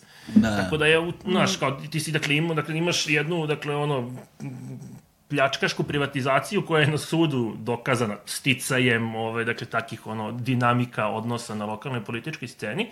Tako da, da to niko nije, nije, nije mogao sporiti. Tako da su u tom smislu bioskopi bili jako zahvalni. I ono, dakle, što je dakle, posebno zapravo ono, dakle, tragično u celoj situaciji, što dakle 2006. kad se to dešava, uh, radnici Beograd firma se to kao, oni se bune, oni pokušavaju da dođu do, do nekog medijskog prostora, da objasne ono šta se dešava, gde, dakle, se ne radi samo o tome da se, dakle, otimaju bioskopi, nego se, dakle, oni su, čini se sa četiri ili pet, ne sjećam se bioskopa, izgradili samo doprinosima, razumeš, oni su se od, od, ono, dakle, to, svoje plate odricali deo da bi mogla firma da se, da se širi, dakle, znaš, kao to, da, da, da to i njima pripada ovaj, jednim delom, ali, dakle, prosto u tom trenutku, dakle, ne postoji nikakvog sluha za to, tad je privatizacija, dakle, to je ono sve što treba da uradimo, jeste sve da privatizujemo i bit će nam bolje. Ovaj, I dodatno, mislim, dakle, jeste negde ono, ono meni uvek poražavajuće, dakle, činjenica da, dakle, to kao, ono, je, je mnogo lakše animirati uh, srpsku javnost, dakle, to, dakle, ono, pričom o tome kako, dakle, to mladi treba prostor da puštaju filmove, ovo, ono, nego, dakle, ono, to, pričom o tome, dakle, šta se nama kao, ono, jednom društvu desilo, ovaj, ali činjenica je da jeste tako. I onda kad se, dakle, konačno uspešno ušlo u, u, u, u, u zvezdu u tom drugom pokušaju kad je Željko Samrđić pevao te godine. Ovaj, uh, dakle, naš prvi sledeći ponedeljak ono je zasedao odbor za kulturu Narodne skupštine koji je izašao sa predlogom da se uh, bioskop Zvezda nacionalizuje. Znaš, kao, od svih problema koje ova zemlja ima, znaš, kao, sad je Skupština se setila da nacionalizuje bioskop u centru Beograda, znaš, kao, Ne. E, ali, dakle, ali to ti je, dakle, kad ono, kad umeš da odigraš uh, medijski, tako da, ono, preteraš u smislu da postane, ono, degutantno zapravo, ovaj, šta je. Kažeš, bila su dva ulaska u zvezdu. Jedan a, neuspešan i jedan, kao što znamo, uspešan. Šta je sad sa zvezdom u stvari uopšte? To sad više ne funkcioniše ili funkcioniše? Nemam pojma. Mislim da funkcioniše leti, da ona Leti, da. krovna terasa Da, a, ne. funkcioniše. A, kako izgleda taj neuspešni ulazak u bioskop? Pa dakle, tu smo se malo zaigrali, ovaj, bilo kao, da, on, bili smo u fazonu, sad ćemo mi da uđemo u bioskop, pa ćemo da ga sredimo. Znaš, kao do, došli smo sa ovim... Sa iskustvom iz Inex filma. Pa ne više, tako da ne, ne znam zapravo šta nam je bilo u glavi, dakle nikakvog to smisla nema, ali je kao bilo, znaš, ono, kao to u lošem je stanju, pa sad kad došli smo sa onim što usisavaju, znaš, ono, kao dubinsko usisavanje, da. ovaj, stolic, pa kao to, i pojavio se, dakle, liko i to obilazi i kao zvao policiju, dakle u tom trenutku se tamo nalaze samo Dobrica i Mika, ovaj, i kao ovaj, došla policija i kao, pa nema vas baš dovoljno da bi, da bi jer kao svi treba da dođu uveče da, bi se, da bi se to desilo. Tako da je to st- dosta bilo, bilo ono, jedan debakl. Ovaj, To je baš bilo treba, neslavno. Treba priznati, ovaj, jeste, jeste. Iako se kao dosta na tome radilo, dakle, bila je velika grupa ljudi koje, znači to je isto možda važno re, reći za tog na način na koji mi radimo, dakle mi oko svih tih frontova koje stvaramo, zapravo, dakle, ono, trudimo se da uključimo što veći broj ljudi mm. koji, koji, koji bi tu bio zainteresovan. I zato se ti frontovi imaju nekako, znači, ono, drugačija imena i pojavnosti, uh, da ne bi nosili neki ono to ono, legat naše istorije, nego da bi nam omogućilo da smo sad naš ono, tabula rada, sad se dogovaramo kako nastupamo, šta radimo i to. Mm. I ovdje smo okupili samo ono, dakle, jednu brojku ljudi koji, koja je bila za to zainteresovana, ostalo eto, dakle, bio je, mislim, greške u koracima i ovaj i verovatno ne ne takve predanosti kakvi su imali dakle ljudi sa kojima smo ušli u drugom ulasku u, u, u bioskop Zvezda dakle mla- male filmadžije uh, Drugi, drugi, drugi ulazak, to je već bio, to je već bila ono senzacija. To da, su bile, to je, to su bio, bile, to je bilo u oktobru. to je bio oktobar 15. A, ne, 14. 14. 14. Da, da, da. 14. da. I ovaj, a, kako ste uspeli da primenite stečena znanja na iskustava u Inexu na Zvezdu? Pa da, mi, dakle... Ko je ulazi u kanalizaciju smo, tamo? priznali smo poraz ovaj, u martu, to je bilo jasno, ali smo onda ovaj, pomislili da bi bilo dobro da se to, ta, odnosno taj ulaz jako dobro planira u smislu medijske pažnje mm -hmm. i u smislu potencijalne zaštite ukoliko policija dođe, ljudi ne budu spremni ili se desi bilo kakva stvar. Tako da se a, onda u, u periodu od nekih šest meseci viđalo gotovo sa svim novinarima, urednicima medija, objašnjavajući šta ćemo mi da uradimo i kako bi stvarno bilo značajno da dođe podrška u smislu ono teksta koji neće biti ono, ušli klinci mladi narkomani da otimaju imovinu, već ono, hoćemo da se izborimo za naš grad, naše prostore i da napravimo nešto ovaj, e, drugo u ovom gradu. I zato je Zvezda izabrana između ostalog zato što je ono u, u, na kičmi grada, Znači, pozicija je fantastična da budeš trn, znaš, da poentiraš ono velikim ulaskom, a pritom je ono ostali kao garancija uh, malim akcionarima, bivšim radnicima, da će im vratiti njihove uh, deonice nazad. E, I onda je u stvari planiran ulazak koji je to spektakularan, imamo film, imamo sve, nije čisto, nema veze, šta ćemo, stavit ćemo neki najlon, šta god. A, negde oko 200-300 ljudi se spupilo u uličnoj galeriji i mi smo odatle samo upali u zvezdu i to je bilo kao veliko otvaranje i um, naravno pod tim adrenalinom i pritiskom i veliki sukob nakon te projekcije koji će posle bojiti ove, i veći deo našeg boravka uh, u tom prostoru. Ok, um, sa, sa bioskopima smo ono kao na, na, na stranu ovaj, i krećemo se polako ka košutnjaku. Ali mislim, mislim da, su, da je ovo strašno dragoceno i važno da ljudi razumeju širi kontekst ne samo vaše borbe, nego i onoga na šta oni zapravo sve imaju pravo. Znaš, da ovim svim primerima možemo da ilustrujemo, da ih možda uključimo, da razmišljaju u smeru, ok, tamo gde ti živiš, šta je to što vama treba, ko je to ko vas ugrožava. Da li postoji neka napuštena zgrada, da li postoji neki napušten prostor u kom planiraju da naprave novi tržni centar ili neki novi maksi, aromu ili nešta god, ono, ideju ili ovo ili ono, ili novu kladionicu, znaš, kao, možda vam ne treba još jedna kladionica u kraju gde živite, znaš, kao, hm, kao, možda vam ne treba, kao, znaš, možda bi bilo lepo da imate nešto drugo, kao. E, ovaj, i da imate pravo na tu vrstu zahteva. To je, to je ono zbog čega pričamo, jel te, ove priče. Um, kad smo već kod tih prostora, a, da li se zna možda koliko prostora takvih na teritoriji Beograda ima, a kamoli na teritoriji Srbije? Ne, ne znam se. Taj registar um, javne svojine, korišćene, nekorišćene, kako god, nije uopšte završen i odluka da se on završi se odlaže poslednjih 5-6 godina, na primer. Mm, i duže, ali je poslednjih 5-6 godina to bilo nametnuto kao obaveza, znaš, pa onda iz godine u godinu čuješ kako se taj rok pomera. Um, u manjim sredinama su lokalne samouprave koje su manje mogle to da ove, ovaj, podvedu. U Beogradu se to naravno nije desilo i deluje kao da se ne dešava. -hmm. uh, a, znaš, mislim, nekako jasno da ne postoji baš veliki interes, jer onda ako mi ne znamo šta nam pripada i ne znamo koliko je toga, onda onaj ko zna može s njime da upravlja a, u sobstvenom interesu.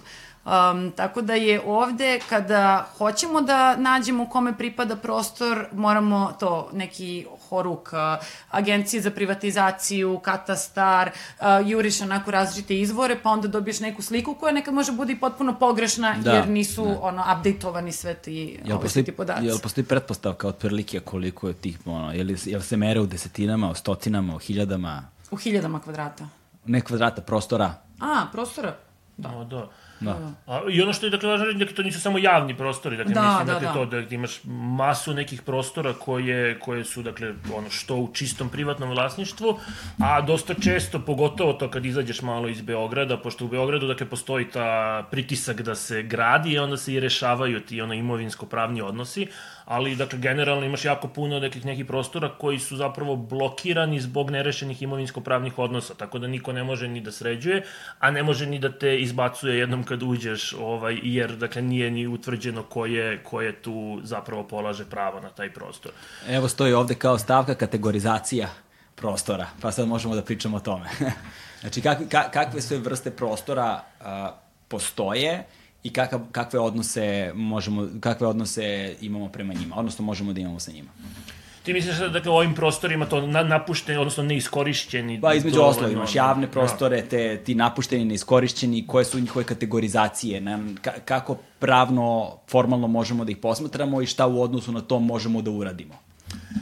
Koja nam je sloboda delovanja u odnosu na to kakva je kategorizacija prostora? Aha, pa dakle, to je onda zapravo pre svega pitanje ono imovinsko, i, imovinskog e, pitanja, jer to je dakle manje važno ono, da li je taj prostor ono javni u smislu dakle otvorene površine ili je ili, ili je, ima dakle neku ono to krov. Uh, dakle to privatni prostor je verovatno, dakle to kao, ak- ako je neko u stanju da se dogovori sa, sa, sa, sa vlasnikom, je ovaj, verovatno najjednostavniji, dakle to ako vlasnik jeste ono, zainteresovan da, da ono, ustupi prostor na, na, na par godina ne- nekome, dakle to je verovatno najjednostavniji proces.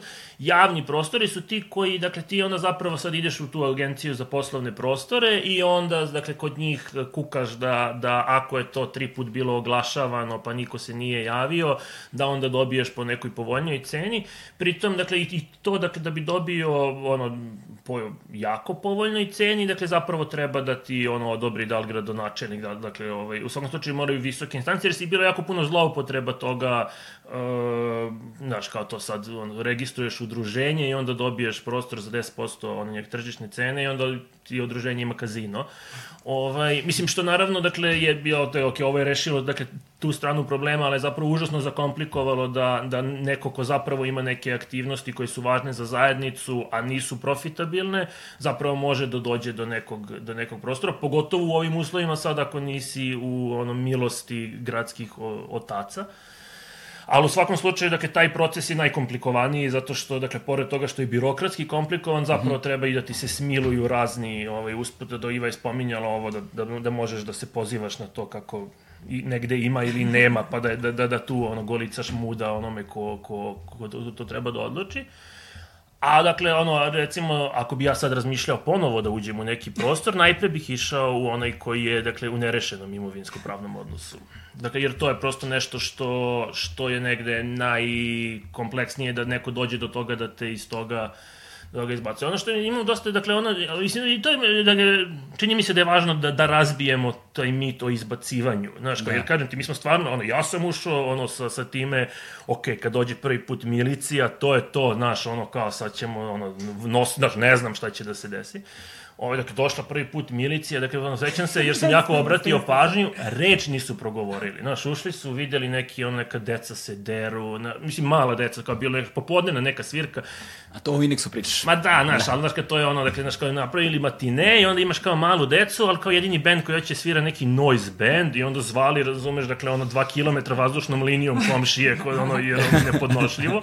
I sad ovi kao dolaze i kao da sad vide oni tu buku, ali kao, znaš, ono, tu, ono, je, su bile dosta teže scene pre nego što smo mi, ovaj, mi, mi, mi, mi taj prostor došli. Bukvalno su samo ušetali, videli i otišli. Znaš, dešava se nešto popodne, nije čak ni vreme ono kućnog reda, tako da znaš, nema šta da ti, da ti prigovori. Ali da kao ću kažem, dakle, da njih zapravo, dakle, imovinsko, dakle, da li si ti kao u ono pravno tu, to ih ne zanima do trenutka dok ne postoji ono sudska presuda koja kaže da, da te izbacuje. Ono š- sa čime im, jel te, postoje uh, iskustva da, da te izbace bez sudske presude, ovaj je ono to vojna imovina, ovaj jer dakle vojska prosto ima i svoje pravosuđe i uopšte baš ti mislim dakle ono to Mislim, opet od vojski i očekuješ negde da, ovaj, da se bavi ono imovinom, bilo bi malo... Bilo bi glupo da to ne rade. da, da, da. Ali, ovaj, dakle, znaš, i sve jako je napušteno, onda oni imaju, dakle, taj incentiv, mada i tu ima izuzetaka, ali je to generalno da, e sad, eto, vi ste imali iskustva i sa vojnom imovinom, koliko se sećam dole na Donjem Dorčelu negde, je li Jesmo, tako? da. Aha. To Visokog je- Stevana, ali tako negde? Visokog Stevana, da, to je objekat od, na primjer, jedno 16.000 kvadrata. To je baš veliki objekat. Kasarna neka bivša. Da, i jedno des, preko 10 godina je potpuno napušten. Um, I postale su neke malverzacije da će ljudi koji žive u hotelu Bristol, u stvari rekonstrukcijom, prodajom hotela i to dešavanjem oko Beograda na vodi, uh, biti preseljeni u taj prostor, što se evo E, još uvijek nije desilo. sad, sad samo kratko ovaj, kontekst ljudi koji žive u hotelu Bristol za one koji ne znaju. Da, to su uglavnom vojna lica, izbeglice iz ovog uh, jugoslovenskog rata, koji su u stvari ovaj, u Beogradu na taj način kao privremeno rešili stambeno pitanje, a to privremeno je potrajalo evo, preko 20 godina uz razne obećanja da će imati bolje uslove uh, za život i čak i evo sad uh, preživeli i dodatno izbacivanje pre prošle ili pretprošle godine iz hotela Bristol i upitno je kako su oni uopšte rešili ovaj, pitanje krova nad glavom, ali ono što im je država obećala to se nije desilo i taj objekat koji smo mi uh, ušli 2018. nije uh, uh, prenamenjen uh, za stanovanje. A Pa dobro, nismo mi ušli, možda da isto to ono važno reći Da, da, to sam sad i mislila, da nismo mi, dakle, da, da, da, ne, ove... Vi ste samo podržali. Mi smo podržali, da. Mi, to je bila neka ekipa koja se već neko vreme uh, interesovala za razne prostore i oni su se nama obratili, mislim, to se često dešava, da nam se ljudi obrate, da im pomognemo ili da protumače to što su podaci o, svoji, o imovini i svojini, ili kako se organizuju, ili neki medijski kontakt, ili šta god. E, pa tako su i ti ljudi došli do nas i ove, zajednički smo u stvari krenuli da promišljamo na koji način uh, bi taj prostor mogao da se okupira. Nama je konkretno bilo jako važno da adresiramo pitanje uh, vojne svojine. Uh, mi smo bili uh, takođe pomagali, podržali akciju u Novom Sadu sa kasanom Archibald Rice 2012. 12. Uh, to je, na primjer, objekat od 8000 kvadrata koji je dalje prazan. Uh, I sada je stvarno pitanje zašto ti nešto što ne, neće moći da se prode ili se ne prode neko vreme na tržištu nisi uposlio ovaj, ono, kroz aktiviranje za neke druge potrebe, nego si ostavi da zvrvi prazno i da imaš dodatne finansijske troškove održavanja tog prostora. E sad, i, i dodatno isto bitno samo da kažemo da je vojska jedina institucija koja ima apsolutni popis svoje imovine. Mm -hmm. Dakle, na sajtu ove, Ministarstva odbrane postoji master plan i tu su svi objekti koji njima pripadaju, plus fotografije, a, površine, veličine i slično. E, I tako da nama, nama je to u stvari, nas je trigerovalo, aha, pa dobro, ajde ove, da vidimo šta tu može se uradi, da li uopšte postoji neki prostor za dijalog sa vojskom o objektu koji bi mogao drugačije se koristiti. I posle tog lepog vikenda, kada je tu, a komšije svi su blagonaklono reagovale, tu je bilo neko kuvanje, bili su razgovori, filmske projekcije, bio baš lep vikend, a, vojska je došla pod punom ratnom opremom i stala između ograde i praznog objekta. Mi smo bili s druge strane objekta ograde. Znači, ono je jedan absurd u koji gledaš i nije ti uopšte jasno. Znači, a to nam se desilo bilo i sa onom akcijom ispred Muzeja savremene ono lažno otvaranje. Znaš, da ti imaš ono, bilo koje snage, da li vojne ili policijske, koje sad kao e, štite praznu zgradu od ljudi koji bi želi da ih koriste. Znaš, da. to već ono samo po sebi izgleda kao neka groteska. A, lažno otvaranje muzeja savremene umetnosti. A to je, da, to je ovaj, preko NKSS-a, pošto Mika tad bio, že, ali mi smo ono, stvarno kao neka hobotnica najstrašnije. Ove, Mika Zato, tada bio... To pre... nas i optužuju. Legitimno. Ove, Mika je tad bio predsednik um, nezavisne kulturne scene Srbije, predsednik upravnog odbora te asocijacije i onda se na nekim zajedničkim sastancima došlo do predloga da se napravi lažno otvaranje um, Muzeja savremene umetnosti, pošto ne znam koliko se sećate, sećaš u stvari ili ovi, i ovi koji gledaju, da je tu bio onaj sat što je odbrojavao vreme otvaranja, znaš. To je Tasovac beš otvorio, tako Jeste, nešto. jeste, Da, da, da. Otvorio sat. Otvorio sat, da. Da, a da, Muzej nije stigao. A da, a, a da ironija bude veća, dok uh, muzej nije radio, uh, postojao neki format koji ima se upravio, zvala se neizložba i mi smo bili pozvani da na toj neizložbi učestvujemo. Mm, Ne znam zašto naš kolektiv, jer su sve ostalo bili kao to priznati i poznati umetnici. Ove, I ono što je bio naš skromni doprinos jeste bio kad uđete u muzej na otvaranje, vidite sat koji odbrojava vreme trajanja izložbe i piše samo još pa vreme savremene umetnosti u vašem gradu. E, I onda je, kad je Tasovac stavio taj sat na fasadu, mi smo malo bili kao pokunjili, znaš, ono kao, ove, baš, je, baš smo prepoznali u stvari tu paralelu. Um, da, došli smo uh, da napravimo to lažno otvaranje, dostavili smo budilnike, bio neki veliki baner, tu je bilo jako puno Facebook ljudi. event, da. Facebook event, ljudi koji nas ne znaju lično ili kao ne znaju uopšte šta je pozadinska priča, su misle to stvarno otvaranje, tako da mi dok smo prolazili, znaš, kroz prostor da vidimo da li je sve okej, okay, ono u mrklom mraku, znaš, imaš neke žene u štiklama koje komentarišu ko su ovo ovako bre napravili, ne može naš narod ništa kako valja. Znaš, ono, kao oni su došli na stvarno otvaranje. I u tom trenutku mi se skupljamo, stiže policija pod kao to punom opremom i kao staje oko prostora. I sad stvarno, znaš, kao, ne možeš ni da gledaš to, to, to je sad već smešna situacija. Mi smo te fotke odmah poslali, znaš, ono kačiš na Facebook, mediji prenose i ove, vada je stigo poziv da je to tako, toliko glupo da bi bilo bolje da se policija skloni. Da, da. E, I onda su se ljudi približili, upaljeni su ti budilnici, znaš, to je nekako kao adresirano kao ovaj, a, važna stvar, ali da, eto, ovaj, samo sam se podsjetila tog... Um, Kordona pred tog mrtvom kordona, zgradom. da, pred mrtvom zgradom, tačno. Dakle, dva puta kordon pred, pred dve mrtve zgrade koje su bez funkcije već de, on, u tom trenutku kao, kao dekadu jednu celu sigurno. Mm. Muzej i duže nešto nije radio. Koliko muzej nije radio? Isto skoro deseta godina. Tako, deseta godina, okej. A, Okay. 2005. da. E sad, um, sva ova iskustva zajedno ovaj, nas polako vode ka onome što s jedne strane akutna tema, jel te, košutnjak, ali s druge strane i tema koja je verovatno najveći simbol svih tih ono, malverzacija koje, koje postoji, a, a to je čuveni projekat Beograd na vodi. Znaš, to je ono, vi ste svakako bili uključeni i, i sa, sa pravno-formalnog aspekta u tumačenje celokupne te a, situacije i a, umeđu vremenu ste se, ste se udružili, bili sa Ne davimo Beograd, je li tako? Pa ste izašli ili šta se tu zdeša? Dakle, Ministarstvo prostora je osnovalo ne A, da. osno, osnovalo Dajmo Beograd, da, da, da, da, da, izvini. Ovaj, a, kako je izgledalo sve to i, i ono, na kraju ste izašli iz svega toga, je li tako?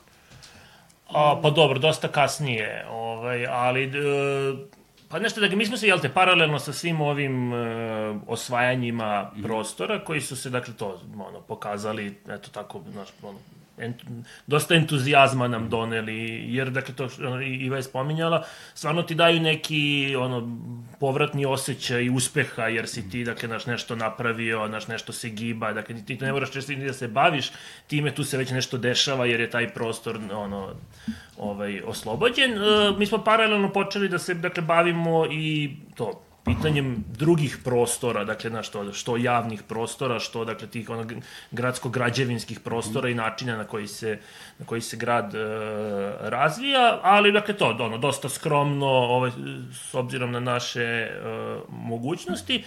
E, I tako, to imali smo neke sitne akcije, sve do dakle toga kada je, do, sad ja sam loša godina, 2014. Mm -hmm. uh, to, Beograd na vodi bio izborna platforma ono, Aleksandra Vučića za, za lokalne ono, beogradske izbore. Uh, kad se, dakle, je to, mislim, ono, niko nije verovao da, da su oni ozbiljni, dakle, ta, ono, te, te ide, ideja silaska Beograda na reke je, ono, stara ovaj koliko i, i reke u Beogradu. E, I, znaš, kao im bilo je puno tih nekih projekata, najčešće u vreme, vreme izbora. Ali je, dakle, zbog toga što je se to, dakle, tako pumpalo sa sve tim, dakle, onom investitorom koji dolazi 3 milijarde dolara, evra, šta je već bilo, smo mi brzo shvatili da je to zapravo najpogodniji prostor, jer oni mu daju tu medijsku vidljivost, znaš, kao to je zapravo najbolji prostor da, da se mi uključimo sada u debatu o tome kako se grad razvija i da kažemo, e, ljudi, kao, znaš, ne treba ovako. I ono što je, znaš, kao to važno reći, dakle, ovaj, jer se to nekako vremenom, čini mi se, malo blurovalo. Uh, naš, naš upliv tu je bio, uh, nije kao to, naš, kao to glup vam je ovaj projekat, mislim, jeste i to, ali uh, je pri, ovaj pri, primarno je bilo pitanje, znaš, ono kao, a kako smo mi odlučili da, da, da je ovo sada novi centar Beograda? Znaš, kao, pa ajde da, da, da, da se, znaš, kao nešto da pričamo o tome šta tu treba da... Pa, znaš, nek da govorimo i najgluplje moguće rešenja, že iskopamo veliku rupu tu. A, znaš, bar smo se mi dogovorili, ono, kao, znaš, kao, da, da, daj, da, znaš, kao, daj, ono, to, ipak se radi o nečemu što je tako, znaš, ono, od- određuje identitet grada, ono, budućnost grada na, ono, za jedan vek, verovatno. Mm -hmm. ovaj, a mi smo to tako dobili kao naš, ono, neko predizborno obećanje, onda se neku maketicu, onda se ta maketica, pro- naš, u drugačijem nekom renderu, ovaj, uh, i nikad nisi, znaš, kažem ti, dobio priliku da, da, da znaš, kao da, da, da pričamo o tome, dakle, šta, tu mislim, znaš, kako se odnosimo na, na sve te planove koji su, ono, dakle, decenijama pravljeni o tome kako Savski amfiteatar treba da ure, bude uređen sa, sa obe strane uh, Save. E, i onda smo mi, dakle, se tu prosto nakačili na, na, na, na, na, na taj proces, sa, i dalje ovaj, dosta živo se sećam tog nepoverenja da će se to desiti. Ovaj, sve dok nikad nisu počeli da to menjaju generalni urbanistički plan Beograda, uh, da bi omogućili da se to, i to su ga menjali na način tako što su ga ono, brisali, znaš, kao to je, ovaj, mislim, kao to, to pa znaš, kao to izmene izgledaju tako, Brisali. predlaže se izmena, briše se i Briše onda, se znaš, ono, dakle, briše se iz plana, briše se iz plana, Ma, mislim, da, da ne ulazimo sad u te detalje, iako smo se mi jako trudili da uđemo u sve te detalje. Znaš, možda to jeste i ono i naša greška, jer smo to su više štreberski, ono, znaš, kao kopali i onda kad treba da iskomuniciramo šta je problem sa, sa Beogradom na vode, meni se zapliće jezik, znaš, ono, jer ne mogu da stignem ovaj, koliko su oni uspeli da, da, da stvari... E, ajde, da, da se ne zadržavamo previše na Beogradu na vodi. Ovaj, a, samo sam hteo da možda navedemo onako čisto formalno, taksativno, šta su sve problemi ovaj, sa celim tim projektom i onda da pređemo na ovaj, ne, ove, ove, ove druge akutne teme. Da li, da li bi mogao sad, recimo, taksativno da navedeš, da ti se ne zaplete jezik? Šta A se znaš sve... šta, dakle, evo, ono, sad imam tu opet, znaš, ono, da imam, evo sad, kako si to postoje kao pitanje, ja imam, da, ono, dva paralelna toka misli, ka, kako da, ovaj... Ka, Koja se račvaju u četiri. Jeste, jeste, jeste, jeste, jeste. Ali evo, dakle, znaš, ono, kao, či, ono, čini mi se da je zapravo, dakle, da je taj ekonomski aspekt nešto što je možda, dakle, ljudima najbliže. Jer, znaš, kao to meni je, uh, ja sam, dosta sam okružen arhitektama u svom radu, ovaj, ali nisam neki, ovaj, esteta. na- Pa ne, znaš, ono, kao je To stvarno... počelo sa njome ili... Pa s njom je počelo, ali skan ti sad stvarno, dakle, ja... A sad se otrglo kontroli. Jeste, jeste, jeste. Ja stvarno ono što ne mogu, meni to, znaš, i ono, i ono eklektični beogradski izgled, meni to okej, okay, znaš, to je sada ono, van mogućnosti da se spase, da i sada uživamo ono, u, u, u tome šta smo uspeli da A sad Iva ovako se putila zvuči la la la la la. E, ali dakle ono što je e, dakle što je skandalozno dakle sa sa sa sa, celim tim projektom, dakle jesu dakle sve te ono komponente ono ekonomskog e, dila koji tu stoji.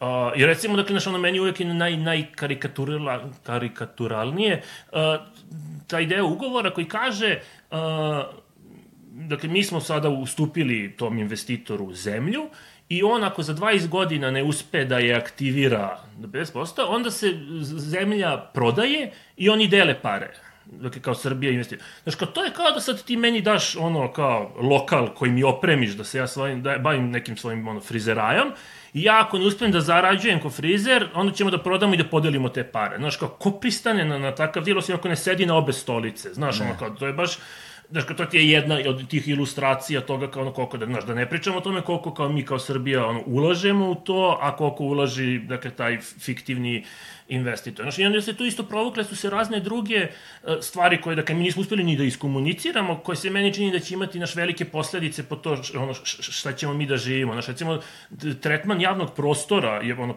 je potpuni presedan ne u, u Srbiji, mm. nego ono, u dosta jednom širem geografskom području, gde dakle, javni prostor je sad samo javno po vlasništvu, ovaj, dok je upravljanje njime dato firmi koja je u većinskom privatnom vlasništvu. Mi smo sad išli to da testiramo, ja sam kao podneo ono događaj, gde ja kao hoću da, ne sjećam se, da naduvamo veliku džinovsku ono patku, kao kritiku projekta na Beograd na vodi, dakle na Sava promenadi, to kako se zove već ono tamo, kej koji su uredili.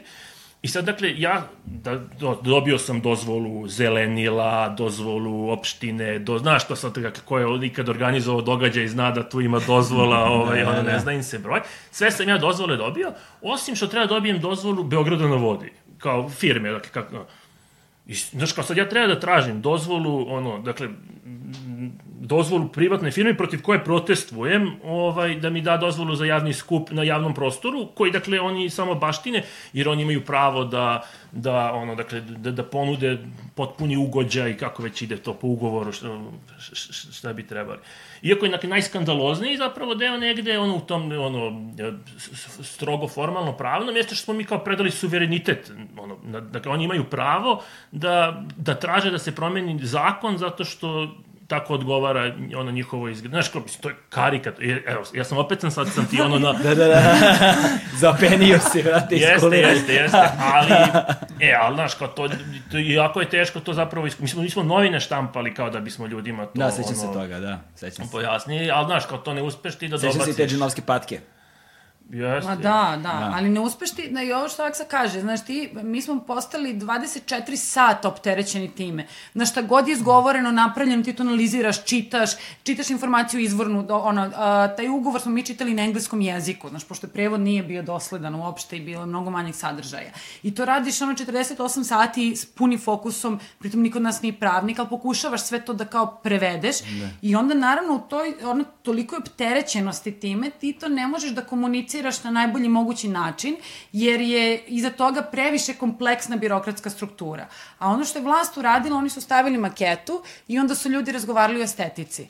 Da. Znaš, i sad ti, meni nije bitna estetika. Mislim, iako sam arhitekta, stvarno neću da razgovaram o tom šamponu, razumeš, tu u sred, nego hoću da razgovaram o tome šta će sve da se desi kao Sad posledica kad toga. kažeš šampon, stvarno izgleda kao šampon. kao neki head and shoulders, tako nešto. E. I u stvari onda rušenje u Sava Mali bio taj trigger. Znaš, onda je to ilustrovalo... Hercegovačka. U, da, u Hercegovačkoj a, to je ilustrovalo ono što smo mi pokušavali dosta neuspešno da iskomuniciramo pre toga. Neuspešno u smislu za veću neku mobilizaciju ljudi. E, ovaj, hajde nekako sad da to stavimo ovako po strani.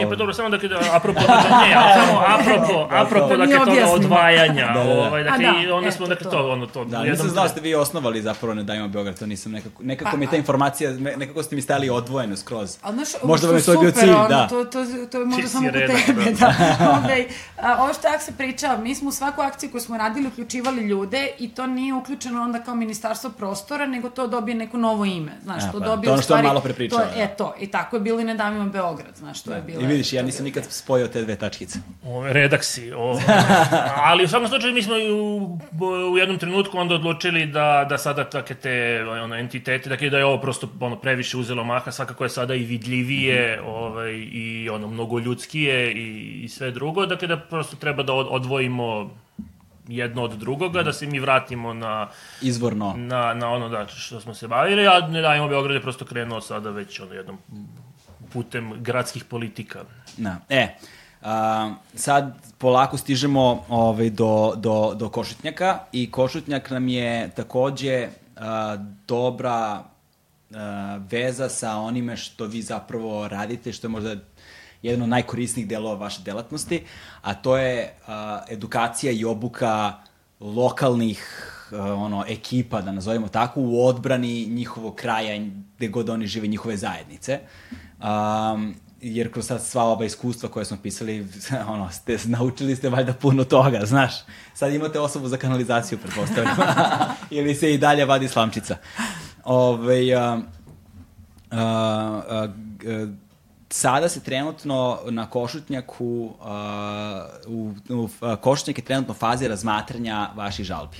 Je li tako? Jest. Primetbi, ili kako se to već zove. Vidio sam tvoju fotografiju sa onim hordom papira, ono.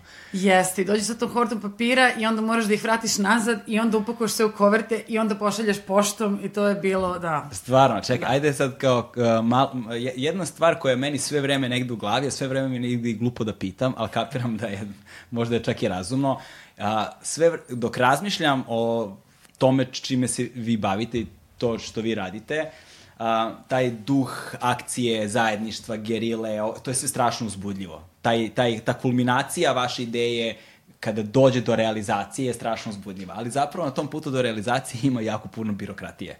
To je ono što je taj, taj pešadinski posao prolaženja i krčenja kroz tu birokratiju, kroz tu papirologiju, to je ono, ja, naš, meni kad stigne attachment na mail, ne otvorim ga tri nedelje, razumeš, znači, znaš, kao, znaš, meni je, meni je kako se pojavile mobilne aplikacije za plaćanje, ja od tad ne kasnim s računima, razumeš, ono, čim vidim red ispred pošte, samo okrenem i odem dalje. Ove, I mislim da prosječnom građaninu, posebno u Beogradu, gde su konstantno velike gužve, gde živimo, ono, kako se zove taj film, Terija Gillijama, Brazila, mm. tako beše, e, ovaj, doživljavamo ga na taj, znaš, kao birokrat, znaš, ja smrt i odlazak u pakao doživljavam kao večito stanje na nekom šalteru koji je na pauzi, znaš, tako da, tako, tako da, kako, ovaj, koliko vas i kako izgleda zapravo vaša svakodnevica u bavljenju tom papirologijom i kako izgledalo to za košutnik? Uh, pa sad zavisi stvarno, ov, ovih poslednjih nekoliko nedelja je bilo to češćenje po dokumentima, beskonačno čitanja, beskonačno telefonskih poziva raznih zabrinutih građana, ne samo vezano za Košutnjak, nego i za Pančevo, i za Kosančiće venac, i za blok 39, i ne znam šta je još sve bilo, Mirjevo. ono, u raznim, Mirjevo, razni javni uvidi uh, i, i, ove, i rani i javni uvidi, uh, gde onda ti sad prvo sve prevodiš, to, ono, o- de- prevodiš im proces, to je jedna stvar, znači šta je ono što se događa sada. Onda pokušaš da prevodiš šta je sadržaj tih dokumenta, pa na šta mogu da se pozovu, pa kako da se organizuju, pa onda naravno ne možeš sve da prepustiš ljudima koji prosto ne mogu sad u pet dana da savladaju urbanističko planiranje i onda sedneš i prečešljavaš i praviš to sve. Tako da smo mi u poslednjih dve nedelje pročitali jedno 5-6 planova i ti svi planovi imaju po 70 strana, pa onda to podrazumeva čitanje drugih planova i zakona da bi mogo to sve da ono sklopiš i dosta smo, ono, dosta smo se umorili. Prva stvar je bila košutnjak i sad mi sa svim tim stotinama primetbi, znaš, ono, i sto puta ih nosiš od naše kancelarije do sekretarijata, dođemo tamo na 300 stepeni i dva tipa stoje na vratima i kao, evo, u ovu kutiju. Znači, kao sad kao, pa nećemo tako završiti ovo. Nećemo sad sve ove napore i ovo poverenje koje su ljudi tebi ukazali da ti predaš te primetbe, da ih ti sastaviš, da kao to što si ti rekao je u stvari istina i oni tebi veruju, neće to sad završiti u toj kanti. I onda, okej, aj sad opet ta, ta, ta, ta, ta, ta, nazad, onda sve prepakivanje, onda pošta i ono, to je, mislim, po ceo dan izgubiš bavljaći se time, ali radiš to između ostalog zato što si zaslužio, imaš neke ljude kojima odgovaraš zbog toga, a i zbog ono ličnog odnosa prema tome. Znaš, to je ono, mislim, ja pretpostavljam da i ti i, i ove razni neki ljudi, kad vidiš nepravdu, ti na nju reaguješ i reaguješ svim svojim mogućim alatima. Znači, nećeš da dozvoliš da te tako neka glupost puta. To što oni stavljaju tu kutiju, to, to je van procedure. Znaš, to ne može tako. I mislim, moramo da negde, ono, ok, naći ćemo načina da, da, da te primetbe pročitate, pa kako god to bilo. E sada, dve stvari tu.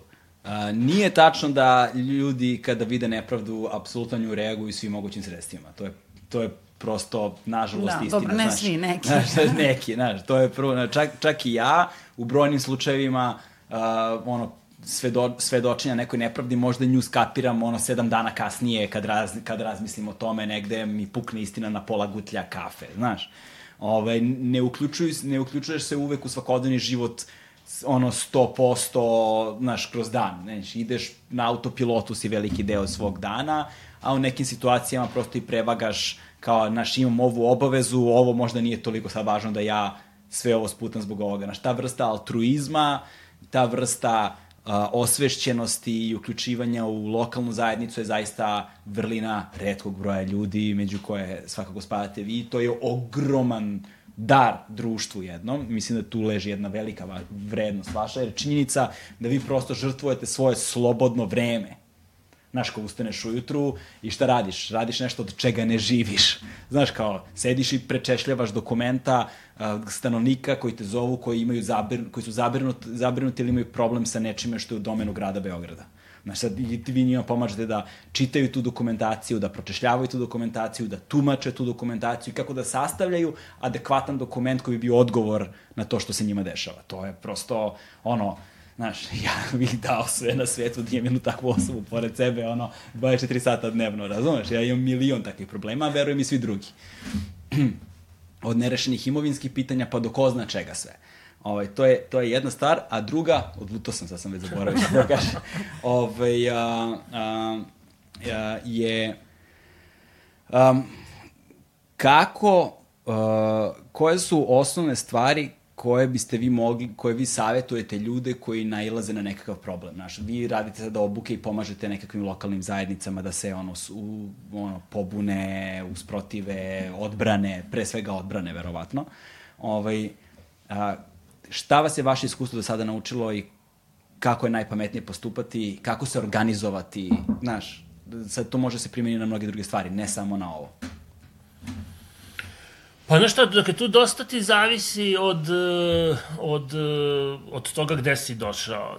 Znaš, ono, nekako sad ako bi da sumiram te naše razna iskustva bavljenja sa, sa, sa raznim to problemima u, u određenim krajevima, ono što je negde, to treba reći, uvek veće šanse da uspeju imaju oni koji, ok, pre svega je onaj koji s druge strane nije toliko moćan, Znaš, to ako si sada u, ono, si se suprotstavio uh, nekome koji je dosta visoko pozicioniran u ono, vladajućoj kliki, izgubit ćeš kako god da okreneš, ali druga stvar je, znaš, ono je da koliko socijalnog kapitala ima unutar, mm. uh, unutar same grupe, dosta će odrediti uh, to koliki su šanse, znaš, kao, ne, ja znam ovog novinara, ja znam ovog geodeta, ja znam ovog, znaš, kao, taj tip e, resursa koje on unutar jedne zajednice ima dosta, dosta pomaže. Ono što je dakle negde naš to ono misija jeste da, da, da tamo gde toga manjka pokušamo da, da ga što više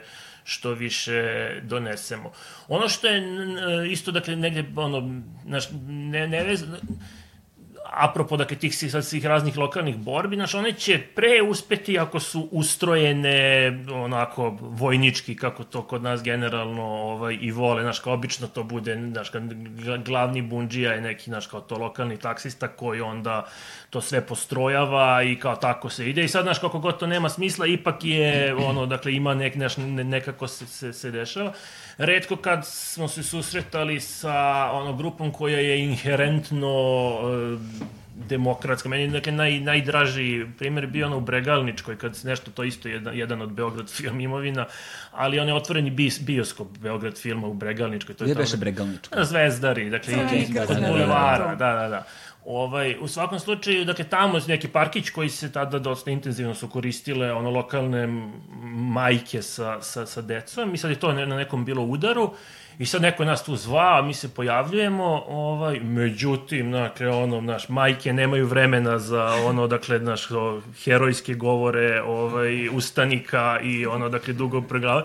Kako se nešto kaže, treba se tako neko ode i ono, to, to, to se sve dešava nemamo mi šta ne razumem, kako, kako ne? Pa kako se nešto kao kaže, treba da se obaveste, znaš, kao ovi tamo, tako se već, znaš, je jedna od žena odšetala i, i radi na obaveštavanju. Znaš, kao nema praznog hoda, nema ne, sad ne, to ne, kao sad ćemo da se da napravimo strategiju i to.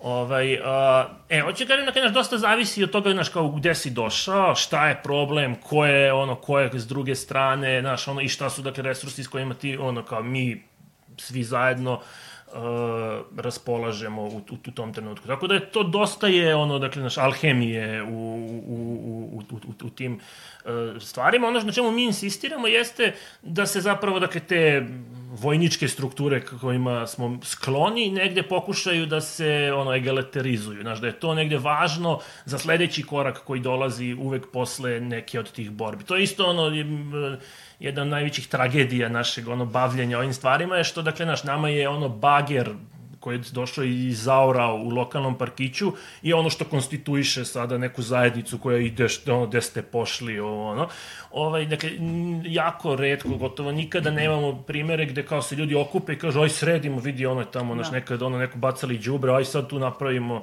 ovaj ono ne, nešto zajedničko znači kao je, jako retko i onda i ove i ove koji se ono bore za, ono, protivu nečega, kad dođe taj trenutak da treba sad da se smisli, ok, evo, odbranili smo ovu javnu površinu, aj sad da vidimo kako, ono, često se to raspadne po svim šavovima, jer ovi hoće parkira kola, ovi hoće da ono, lupaju loptu, ovima smeta lopta, znaš, ono, dakle, kako već ovaj, ide i, i, i sve da, e, i, i, negde ono, ono što je, dakle, to nama primarna negde ono žar jeste dakle da, da, da, da, da, da taj bunt koji dolazi u tim svim sad prostornim ono klinčevima nekako znaš, ono prevodimo u, u, u nešto što dakle može da ono ide korak dalje ka nekoj ono zajedničkoj imaginaciji E, to je sad ono, ovom smeta lopta, ovom ne smeta lopta, to je ono o čemu arhitekte na fakultetu nikad ne razmišljaju. Da, tačno.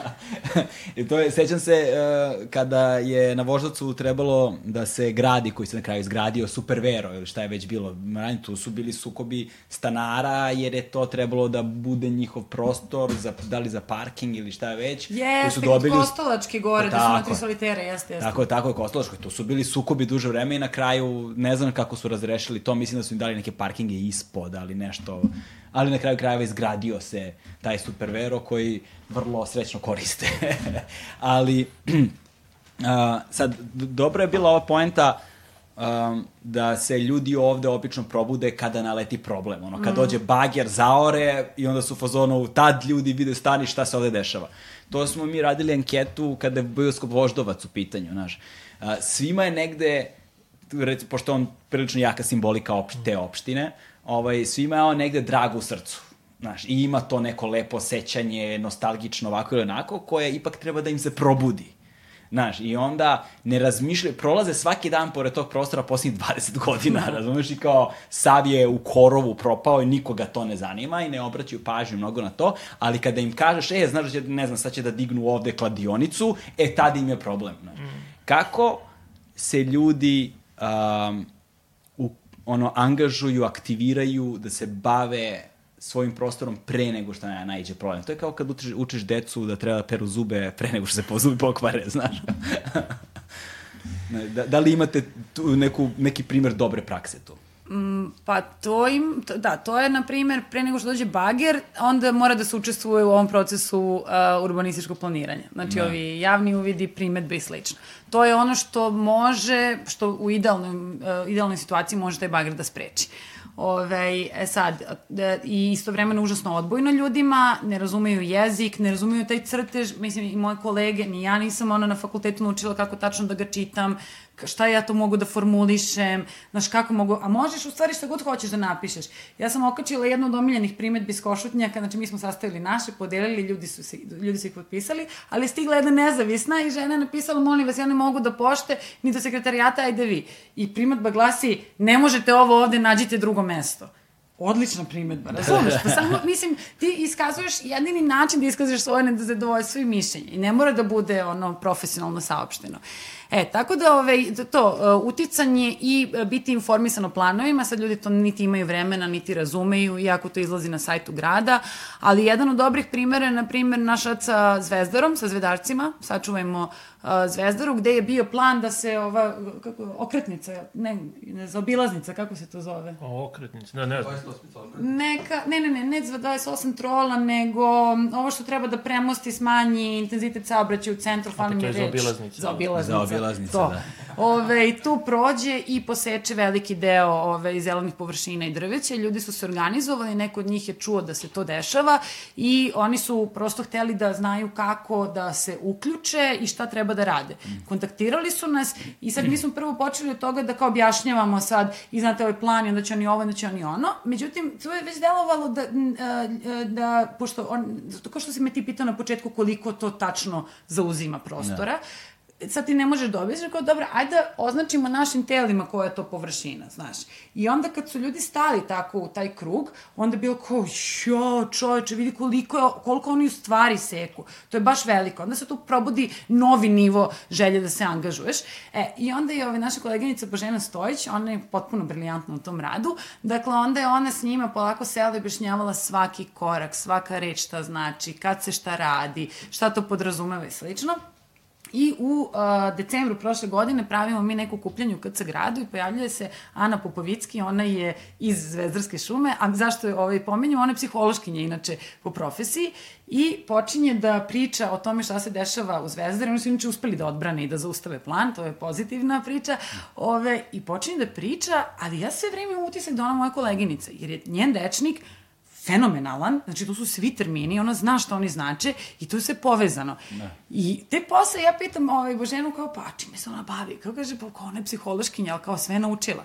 Znaš, i to je njoj dalo snagu i sad, na primjer, oni nas jako često zovu da vide šta još ima aktualno, da mogu da se uključe, dosta su se povezali s inicijativom za, za naš kej, uh, s kojim smo isto pre toga radili sa nekim drugim. E, to je ono što bi, na primjer, mi volili da vidimo da je intenzivnije, jeste ono da izađemo iz okvira ne u mom dvorištu i da se sve te lokalne borbe zapravo povezuju, dele iskustva i, znaš, ono, kao na taj, taj način motivišu ljude da se angažuju oko svojih naselja. Dakle, da, vi bi zapravo mogli da budete E, nekakva platforma za umrežavanje svih tih lokalnih frontova, nazovemo to tako. ali da li na nivou principa otprilike imate ono sad neku sliku korak po korak kako prepoznati, kako se organizovati i kao koji su prvi koraci koje treba uraditi i šta nikako ne raditi. Pa opet, jako zavisi u kom stepenu, znaš, u kojom trenutku. Da, ali jel- nemaju neka opšta pravila. Pa, znaš, da, baš mi je teško da sada, znaš, a da, da opet A da ne zvučim mislim- kao, ono, budite bolji ljudi. Dakle, Da, da, znaš, da. ono, ovaj, uh, jako zavisi od, od toga, znaš, u kom trenutku si ti to, to uh, tu, tu nesreću saznao, ovaj, ako, je, ako je neka neka izgradnja. Ja bi se vratio dakle, na ovo pitanje, to je znaš, kao to da, da kao ljudi nešto kao uzmu da kao to se dogovore, nešto naprave. Mislim, ima toga, ono to kao ljudi hoće, dogovore se da srede neku zelenu površinu, da im bude parkić, znaš, kao desi se, ovaj, mi dosta, nemamo puno kontakta sa, sa, sa, sa tim tipom inicijativa, ali to jeste negde ono kao taj ono, jel, da, neki ono, pozitivan trend. Uh, ali ono čega to uopšte ne postoji i, što negde nama sada predstavlja no, najveći izazov, jeste to, znaš, ono, kako se mi kao društvo dogovorimo, mm. ono, šta mi hoćemo. Znaš, ono, kao, sad je dosta zanimljivo je u, u, trenutno je u izradi generalni urbanistički plan Beograda za 2041. Znaš, kao to. I sad kao, to bi trebalo da za nama zada neke smernice gde ćemo mi biti 2041. Znaš, I kao, gde ćemo biti 2041. Pa to, dakle, pojma nemamo šta će u tom Moguće dokumentu. nigde, da, moguće tog dokumenta neće ni biti. Ali zanimljivo je, znaš, ono kao, mi bi kao, znaš, kao neko na društvu trebali da razmišljamo o tome, znaš, kao to, ja ću imati 57 godina, ono, ti ćeš imati 59, šta smo rekli, znaš, ono kao, E, e, za 2040, to je za 21 godinu imaću 59 godina.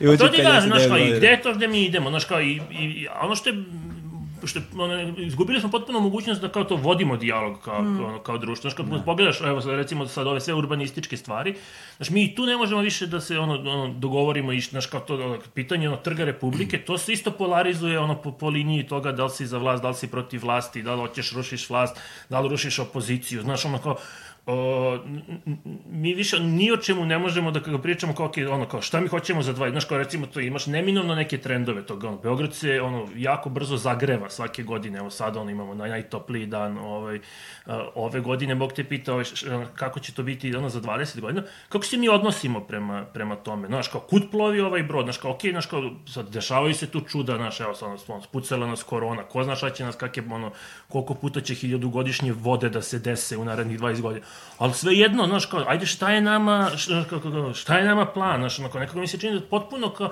znaš, nama je ono jedina politička imaginacija koja postoji ovde, kao mi kao evropska, ono, kao to da budemo deo evropske porodice naroda, znaš, ko se, to, ko se više seća šta, ono šta to znači. Znaš, ono kao, to je nekad je kao zvučalo kao ono uverljivo, sad se mi...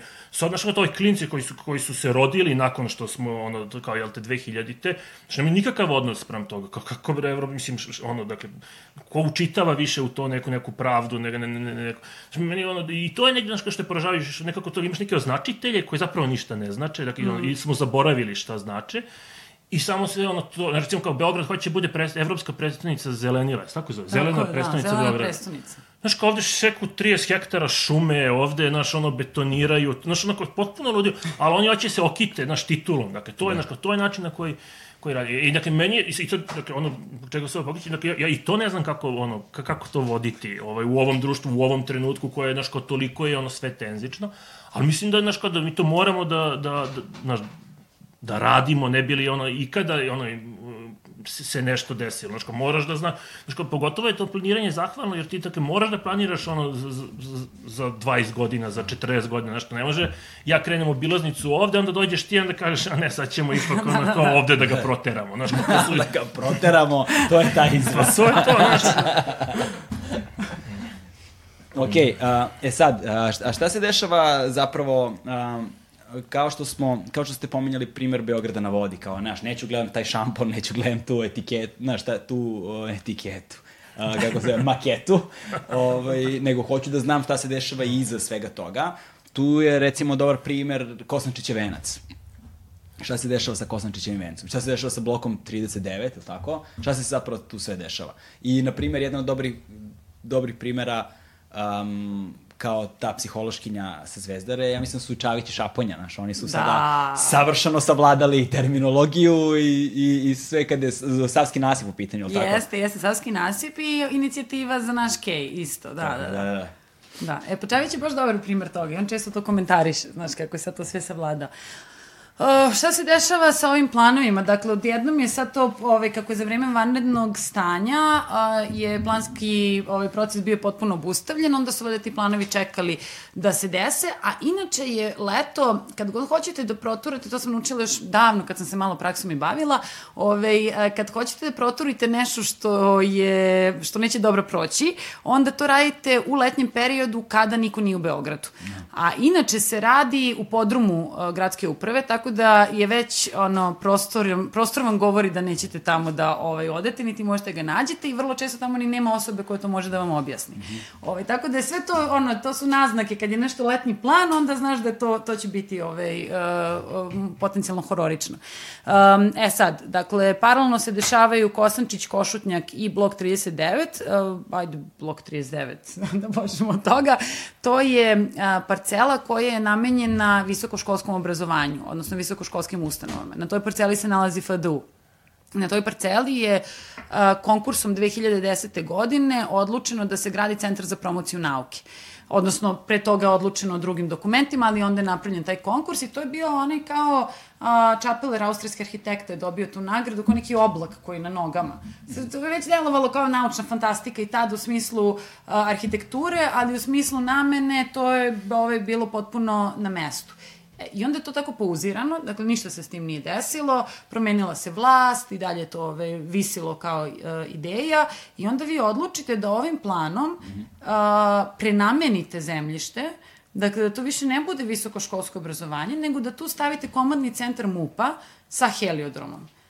I jasno šaljete poruku, mislim, bar sam je i ja tako čitala, da mi onda ne želimo misleće mlade ljude, nego želimo represivnu državu. Je li to poenta? Ove, šta, šta je drugo poruka toga? A ako uđemo u o, samu proceduru, tu prosto nema osnova da se radi ta prenamena. I to je kao jedna od glavnih primedbi. Misliš tehnički ili kako? Nema osnova, nema osnovu osnova. čega, da, da, da, na osnovu kog tačno plana, studije, zakona, čega god si ti odlučio da radiš tu prenamenu iz visokoškolske a, a, funkcije u ovaj, a, Komandni centar. komandni centar MUP-a, da. Um, e, što se tiče Kosančića, to je malo drugačija, uh, drugačija situacija. Uh, dakle, radi se o onom šancu od, od uh, velikih stepenica do Narodne biblioteke. Ok. Dakle, to je potez od ulice Kosančića i Vena, znači ispod Mike Alasa kuće do Karadžorđeve. To je otprilike ovaj, uh, obuhvat uh, plana i on je sada završen je javni uvid, znači šta smo primetbi, primetbovali, primetbovali smo, biće javna rasprava, tad možemo da ovaj, malo pojačamo naše primetbe u razgovoru i to je kraj. Dakle, Da. to je kraj procedure. Ono što se tamo planira je negde oko 20.000 kvadrata javne namene a, kulture a, i a, 7.000 kvadrata stanovanja. A, naravno uz podzemne garaže a, i sve ostalo.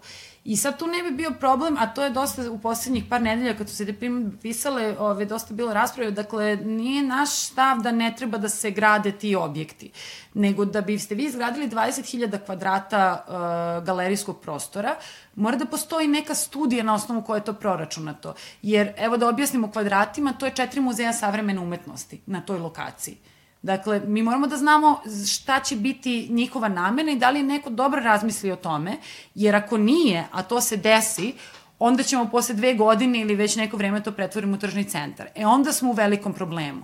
Znaš, iz, iz tih razloga se mora mnogo ozbiljnije pristupiti procesu planiranja, a ne to tu ćemo da proteramo, jer su te greške koje mi pravimo u građanoj sredini večne. Nije, one ne možemo da ih popravimo posle, nego ih onda samo prilagođavamo još sumanutim idejama. E, a onda, da, i recimo da je to negde, ajde, onako, u, u, u najužem smislu šta se dešava tamo, tamo je rađeno dosta konkursa, rađena su tri konkursa za te lokacije, jedan je konkurs Gradske galerije koji su samom planu i priznaje, drugi je za tu zgradu ansambla Kolo, koja s prosto planom ono uopšte ne pominje, nego to sad neki multifunkcionalni centar. A ti kad kažeš multifunkcionalni centar, to ne znači ništa u našoj praksi. To je samo ono, nisam znao kako nazovem ovaj prostor, pa neko on bude multikulti, razumeš? Da. A, a ono šta je u stvari unutra mi nemamo pojma. E, a samo hoću da to bude jasno, dakle da mi podržavamo javne namene i javne funkcije i podržavamo ideju arhitektonskog konkursa kao nešto što je, ajde to, bar neka instanca dijaloga kako neki prostor može da izgleda, a onda bi pozadina, odnosno ono što je iza toga trebalo bude i kako smo do toga došli, jel da? Da. A, e sada, a, sve vreme hoću da pitam, i to me zanima negde sad sve ovo što smo uobličili u Srbiji, o Beogradu prvenstveno, nažalost, ovaj, a, ali, ali negde su to dobri primjeri za, za ostatak zemlje. A, mada ćemo malo o tome. A, jeste, kakvi, da li, kakvi, kakva je situacija sa okolnim republikama? Kakva je situacija, u, ne znam, u Bosni? Kakva je situacija u Hrvatskoj? Ka, kako se mi pozicioniramo u odnosu na okruženje i kako se pozicioniramo u odnosu na primere dobre prakse u, ne znam, razvijenim zemljama? Znaš, kao, da, da, šta se recimo, je li, šta, je li ima nekih dobrih primera kako su se neke akcije odvijale i kako su ljudi uspeli da se izbore za nešto dobro, na primjer u Zagrebu ili, ne znam, u Sarajevu ili Hoćeš ti? Izvoli. Ili možda je Skoplje najbolji primjer, ono, tamo se dešava je tragedija. Da, da, da, Skoplje je dobro. To Skoplje je stvarno tragedija za sebe u tom smislu. Pa meni bi, na primjer, bilo interesantno ovo sa Zagrebom i sa njihovim generalnim urbanističkim planom. Mm. I u stvari nama su, uh, nama ekipa iz Zagreba jako bliska i mi to već skoro 10 godina sarađujemo, potpunjujemo se, učimo jedni od drugih i kao to i privatno smo dobri prijatelji. I baš je kao taj zajednički rad u stvari nekako bilo, bio otelotvoren kroz uh, ono što se dešavalo u Zagrebu pre dve godine, ali tako bilo? Uh, Mogu mi prošle godine. prošle? Ma nemaš šans. Prošle, eto, vidiš je. Ove, um, dakle, mi smo ovde to učili Beograd na vodi, uh, sve korake znamo na pamet, sve pokušavali smo da odbranimo taj prostor, nije nam uspelo, ove, ali smo to nakupljeni smo znanjem i nakupljeni smo svim informacijama. I u Zagrebu se pre, prošle godine a, dešava da njihov gradonačelnik, večiti gradonačelnik Milan Bandić odlučuje da gradi a, Zagreb Manhattan, kako se to popularno zove, isti investitor na Savi, gde Vele sajam gradi a, Novi Zagreb na vodi. I a, mi sad kao to odmah, znaš, to idu telefoni, kako, šta, ko je ovaj, na što obratiti pažnju, ko, i ti ono daš jedan kao set znanja, ne. šta sve stoji iza toga i u stvari i set naših grešaka, što je užasno važno. Jer učiti iz grešaka je mnogo velika stvar i nekada je mnogo korisnije podeliti to gde smo sve pukli i na što nismo mislili, nego koliki smo mi carevi šta smo sve napravili. Znači, to je kao inspirativno, ali ovde, ovde se više uči. I oni su uspeli u stvari da mada i kontekst Hrvatske drugačiji, imaš bar neke medijske slobode, znaš, imaš institucije koje su stale. Znaš, mi smo imali, bili pozvani na razgovor o problemama tog projekta na arhitektonskom fakultetu, gde je stao arhitektonski fakultet iza toga. Da. Ovde nije. Znaš, ovde su sva esnovska društva i urbanisti i društvo arhitekata Beograda ćutali slično. E, I onda se ta kampanja zavrtela i Zagreb je uspeo u stvari da spreči izmene i dopune tog plana, da skupi dovoljno potpisa i dovoljno primetbi. To je do, Da dobar, bude- dobar primjer prevencije. To, jeste, da, to jeste, ali, ovaj, se- koji smo mi doprineli. Koji smo mi doprinili, tako je. Da, ne, ali dobro, dakle, ja bih i rekao da smo mnogo više naučili ovaj, mi od Zagrebčana za, za, za, da. za ovih deset godina. Mislim, pozdrav i za Zagreb i za Sarajevo, imamo jako puno slušalaca iz Hrvatske i A, iz BiH, da? čisto, da- čisto da znate. Dobro, dobro. Da pazimo šta pričamo. Da. A, dakle, ali on, mislim to što kaže Iva, dakle, tamo je ipak je malo, malo je uređenije u tom smislu da su te neke njihove borbe, ono, ipak dobiju ono, sudski epilog koji je, koji je pozitivan. Dakle, to je ono što nama nedostaje. Ne, samo. Ono, pa ne, ne, ne, ne, nedostaju nam ono pobede, razumeš? Da. Dakle, to je dosta, dosta je no, taj neki jedan impotentan osjećaj da ti stalno nešto bušiš i kad nešto napraviš neki korak to je ono to, to je eksces Ne. To se ne odnosi na sledeći slučaj. Nisi ti sad unapredio proceduru, nisi ti, ti si samo sad ovde ono, znaš, ono, golom silom uspeo da, da ih ono, da ih... Junećom upornošću. Pa da, znaš, ono, i oni su rekli, dobra, aj pusti sad ovo, dakle nije nam to toliko bitno, ovo može sačeka dve, tri godine da se malo kao stiša. Ovaj, a tamo su ipak uspevali da naprave to ono presedane. Ovaj, znaš, kao to, ta Varšavska je postala čak ono kao regionalni, uh, regionalni primer toga kako je to kao ono borba za Da. identitet. Znaš, iako je to, dakle, ono, M nije čak ni uspešna bila na kraju krajeva, Da. niti je to toliko neki, ono, kao da kažeš, uh, preterano ono ogroman problem koliko su uspeli oni da ga da ga, da ga naprave. Dakle, svakako da, da to ljudi imaju mnogo kompleksnije probleme u svakom od naših gradova. Uh, ali generalno ja bih rekao da je karakteristika to razvoja prostora ono, na, na, u ovom regionu ono, to para vrti ovaj, svuda. Uh, znaš, to kao da ono, ima već 5-6 godina kako su se ono vlasti u, u Budvi odrekli ono mogućnosti da se tu nešto ono uradi. Znaš, kao to je to je taj tip uh, ono poraza dakle toga ka- kako se kako se ono to gradilo i, i kako se to gradi gde gde šta stigne. Onda znaš, na, na kraju dana eto zavisi ti od toga da li je bio neko uporan, znaš, da, da spreči projekat ono golf rezorta iznad Dubrovnika ovaj, i da li ima institucije koje to kao mogu da, da, da, da iznesu ili je, ili je prosto, dakle, to ono, ako si dovoljno silan, to ti je.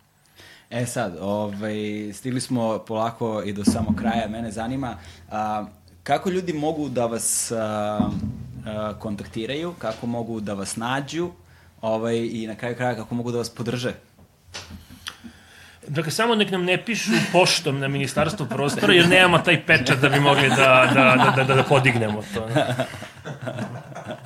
Pre svega. Ove, pa ne, da, mogu da napišu preko Facebooka na mail, bilo, mislim, ljudi dolaze, inače naša adresa je tamo javna na Facebooku i često se desi da ljudi dođu sa to sa ulice, ljudi koji nas ne poznaju, ne znaju ni kako izgledamo, ništa, ali im treba neka pomoć.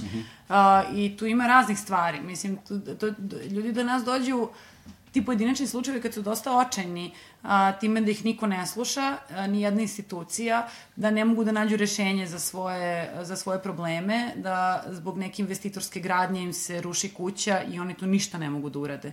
Znači, i a, ono što je najstrašnije je što ni mi nemamo moć da, da to promenimo, osim što možemo nekim savetima ili baš ono jednim, jedinim dostupnim formalnim alatima da to kao malo, malo podržimo.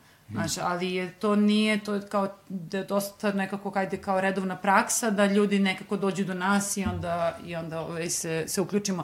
Ali, mislim, imamo i mi ovaj, običaj da kad vidimo da negde gori po Beogradu, da sami tamo banemo, pa da ovaj, kao to ponudimo našu uh, ekspertizu, da. Um, I k- koji je sledeći korak uh, situacije sa košnjakom? A ne, Košutnjak, Ne. daj nam nešto drugo da kažemo što je super. Reci šta. Vizija Beograda, čoveče. Vizija mi Beograda. pravimo viziju Beograda. Evo, možda Aksa. E, da se uključite u ovaj urbanistički Uži. plan za 2041. godinu. Kako Pa- grozno zvuči kad kaže 2041. Jeste. Sačuvat ćemo Pogotovo ovaj ako snimak. skratiš i kažeš Beograd 41. E, pa sad ga pretera. Da. Još ako je april, A, pa, da, u- sad da, vidiš, drugačije bi pričali uh, Iva i ja na ovu temu. Dakle, Iva... Pa, no, eto ti nar narcizam malih razlika, znaš kao, to je to. Ko će u kanalizaciju? Pa to, znaš, meni, ono, to je opet, dakle, nisam toliko, uh, vidjet ćemo šta, šta će biti vizija Beograda koj, oko koje mi uh, ćemo se, jel te, truditi i za koju ćemo promovisati i, i tražiti negde, ono, podršku, uh, ali pre svega sa tim ciljem da, da ono što sam pominjao malo pre, da pričamo o tome, znaš, kao ja sad, ono, Uh, ako mi kažemo da to ono Beograd ne treba da ima emisije uh, ugljen dioksida ili šta već, znaš, neko će se drugi sporiti, znaš, kao, pa ne znam, onda će privreda da pati. Pa ajde vidimo, znaš, kako, kako sad se ono privreda uklopi to, kako se upre, uklopimo u to sa, dakle, to rastućim nejednakostima. Znaš, kako mi sad sve te stvari do kojih nam je kao društvo ono, načelno stalo, uh, uvežemo u, u, u, u nešto ka čemu stremimo, pa sad ono šta bude. Tako da, to je negde neki proces koji smo, koji smo mi otpočeli, oko kog stvarno znaš, u- ono, lupamo glavom o zid svaki dan, znaš, kako, kako ti sada u, ovako, ono, to, kakofoničnim ono medijskim uslovima u kojima ono dakle naš sve se raspada sada evo sad i ono ruska duboka država udarila na nas. Znaš ono ne, nema kraja ovaj ono ludilu koje koje koje svuda to postoji. Kako ti sada ono pokušaš da da kažeš ono kao šta je to oko čega mi možemo da se da se da se dogovorimo? Znači možemo se dogovorimo da za 20 godina ono svi imaju kanalizaciju i da su na njenom kraju ono prečišćivači vode na Da. to nije mnogo je Da je sređen katastar, na primjer, u pa znaš kao značilo bi Da, ali znaš, a dovoljno je, e, lepi, lepe je ta vremenska distanca da nije predaleko ni za 100 godina, što na primjer u Švajcarskoj se radi. Oni planiraju, oni imaju 100 godišnje planove. Či ljudi učestvuju iako sa sigurnošću znaju da neće biti živi. E, ovde A, Švajcarci ne znaju. da, da, možda. Ove, znaš, ovde se radi u nekom vremenskom periodu koji je dovoljno blizak da kao, ajde, požel, si, pretpostavljaš da ćeš biti ove, i tu, a opet je dovoljno daleko da možeš malo više imaginacije da uključiš, znaš. I onda je interesantno koliko ljudima teško da zamisle gde bi želeli da žive, gde sebe vide za 20 godina, jer to niko nije pitao. Kao Znaš, van Srbije. Kao. E, u kakvom gradu želiš da živiš, da. da, jel to hoćeš kanalizaciju, jer hoćeš da budeš za pola sata od kuće do posla, jer hoćeš da u svakom bloku u Beogradu imamo 50% zelenih površina. Znaš, ta, eto, a to su ono mizerne stvari, ne, ne idemo ka tome ćemo letelicom s jednog krova na drugi, znaš, nego... Ili gondolom. ili gondolom, znaš. Ove, da kao napravimo nešto, prvo da pokušamo da kod ljudi i kod nas samih probudimo taj način pozitivnog mišljenja, ne ono, da se odvojimo od ne dam, ne, ne, nemoj, nećemo, vezat ćemo se i sve ostalo, nego kao, ajde vidimo Mislim, nije ono... smešno, izvini, pa nije, ali- ali, ali- ali, da, ali to Da. su nastupi, da, Da. to treba prvo razbiti i onda ajde vidimo šta hoćemo, šta u stvari hoćemo. Koja je tvoja vizija Beograda 2041. godine? U. Moja vizija Beograda 2041. je svi krov nad glavom i dostojanstven život. Da. Da, ta združena akcija krov nad glavom je vrlo, vrlo, vrlo zanimljiva i ovaj, o njima treba više razgovarati takođe. da. I taj problem deložacija je ogroman, ogroman problem koji se trenutno dešava ovde.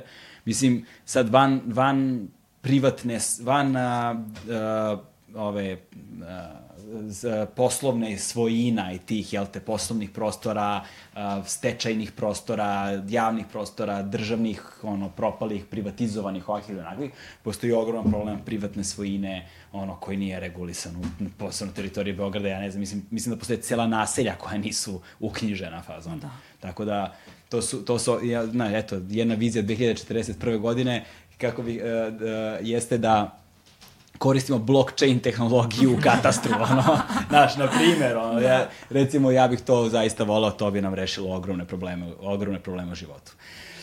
Dobro, mislim da smo stigli do samog kraja, da ništa nismo zaboravili od onoga što smo planirali da kažemo. Hvala vam puno ovaj, na gostovanju. Ovaj, vidimo, se u nekoj, vidimo se u nekoj sledećoj borbi, a, u nekom sledećem prilikom, nadam se srećnijom. A, I svima vama hvala puno što ste uz nas i možete da podržite naš podcast krat, jednokratnim uplatama na Paypalu, a, mesečnim pretplatama preko Patreona i naravno subscribe, like, share, sve ostalo. A neke stvari o kojima smo govorili stajaće u linkovima u opisu videa. Hvala vam, ćao, to je to.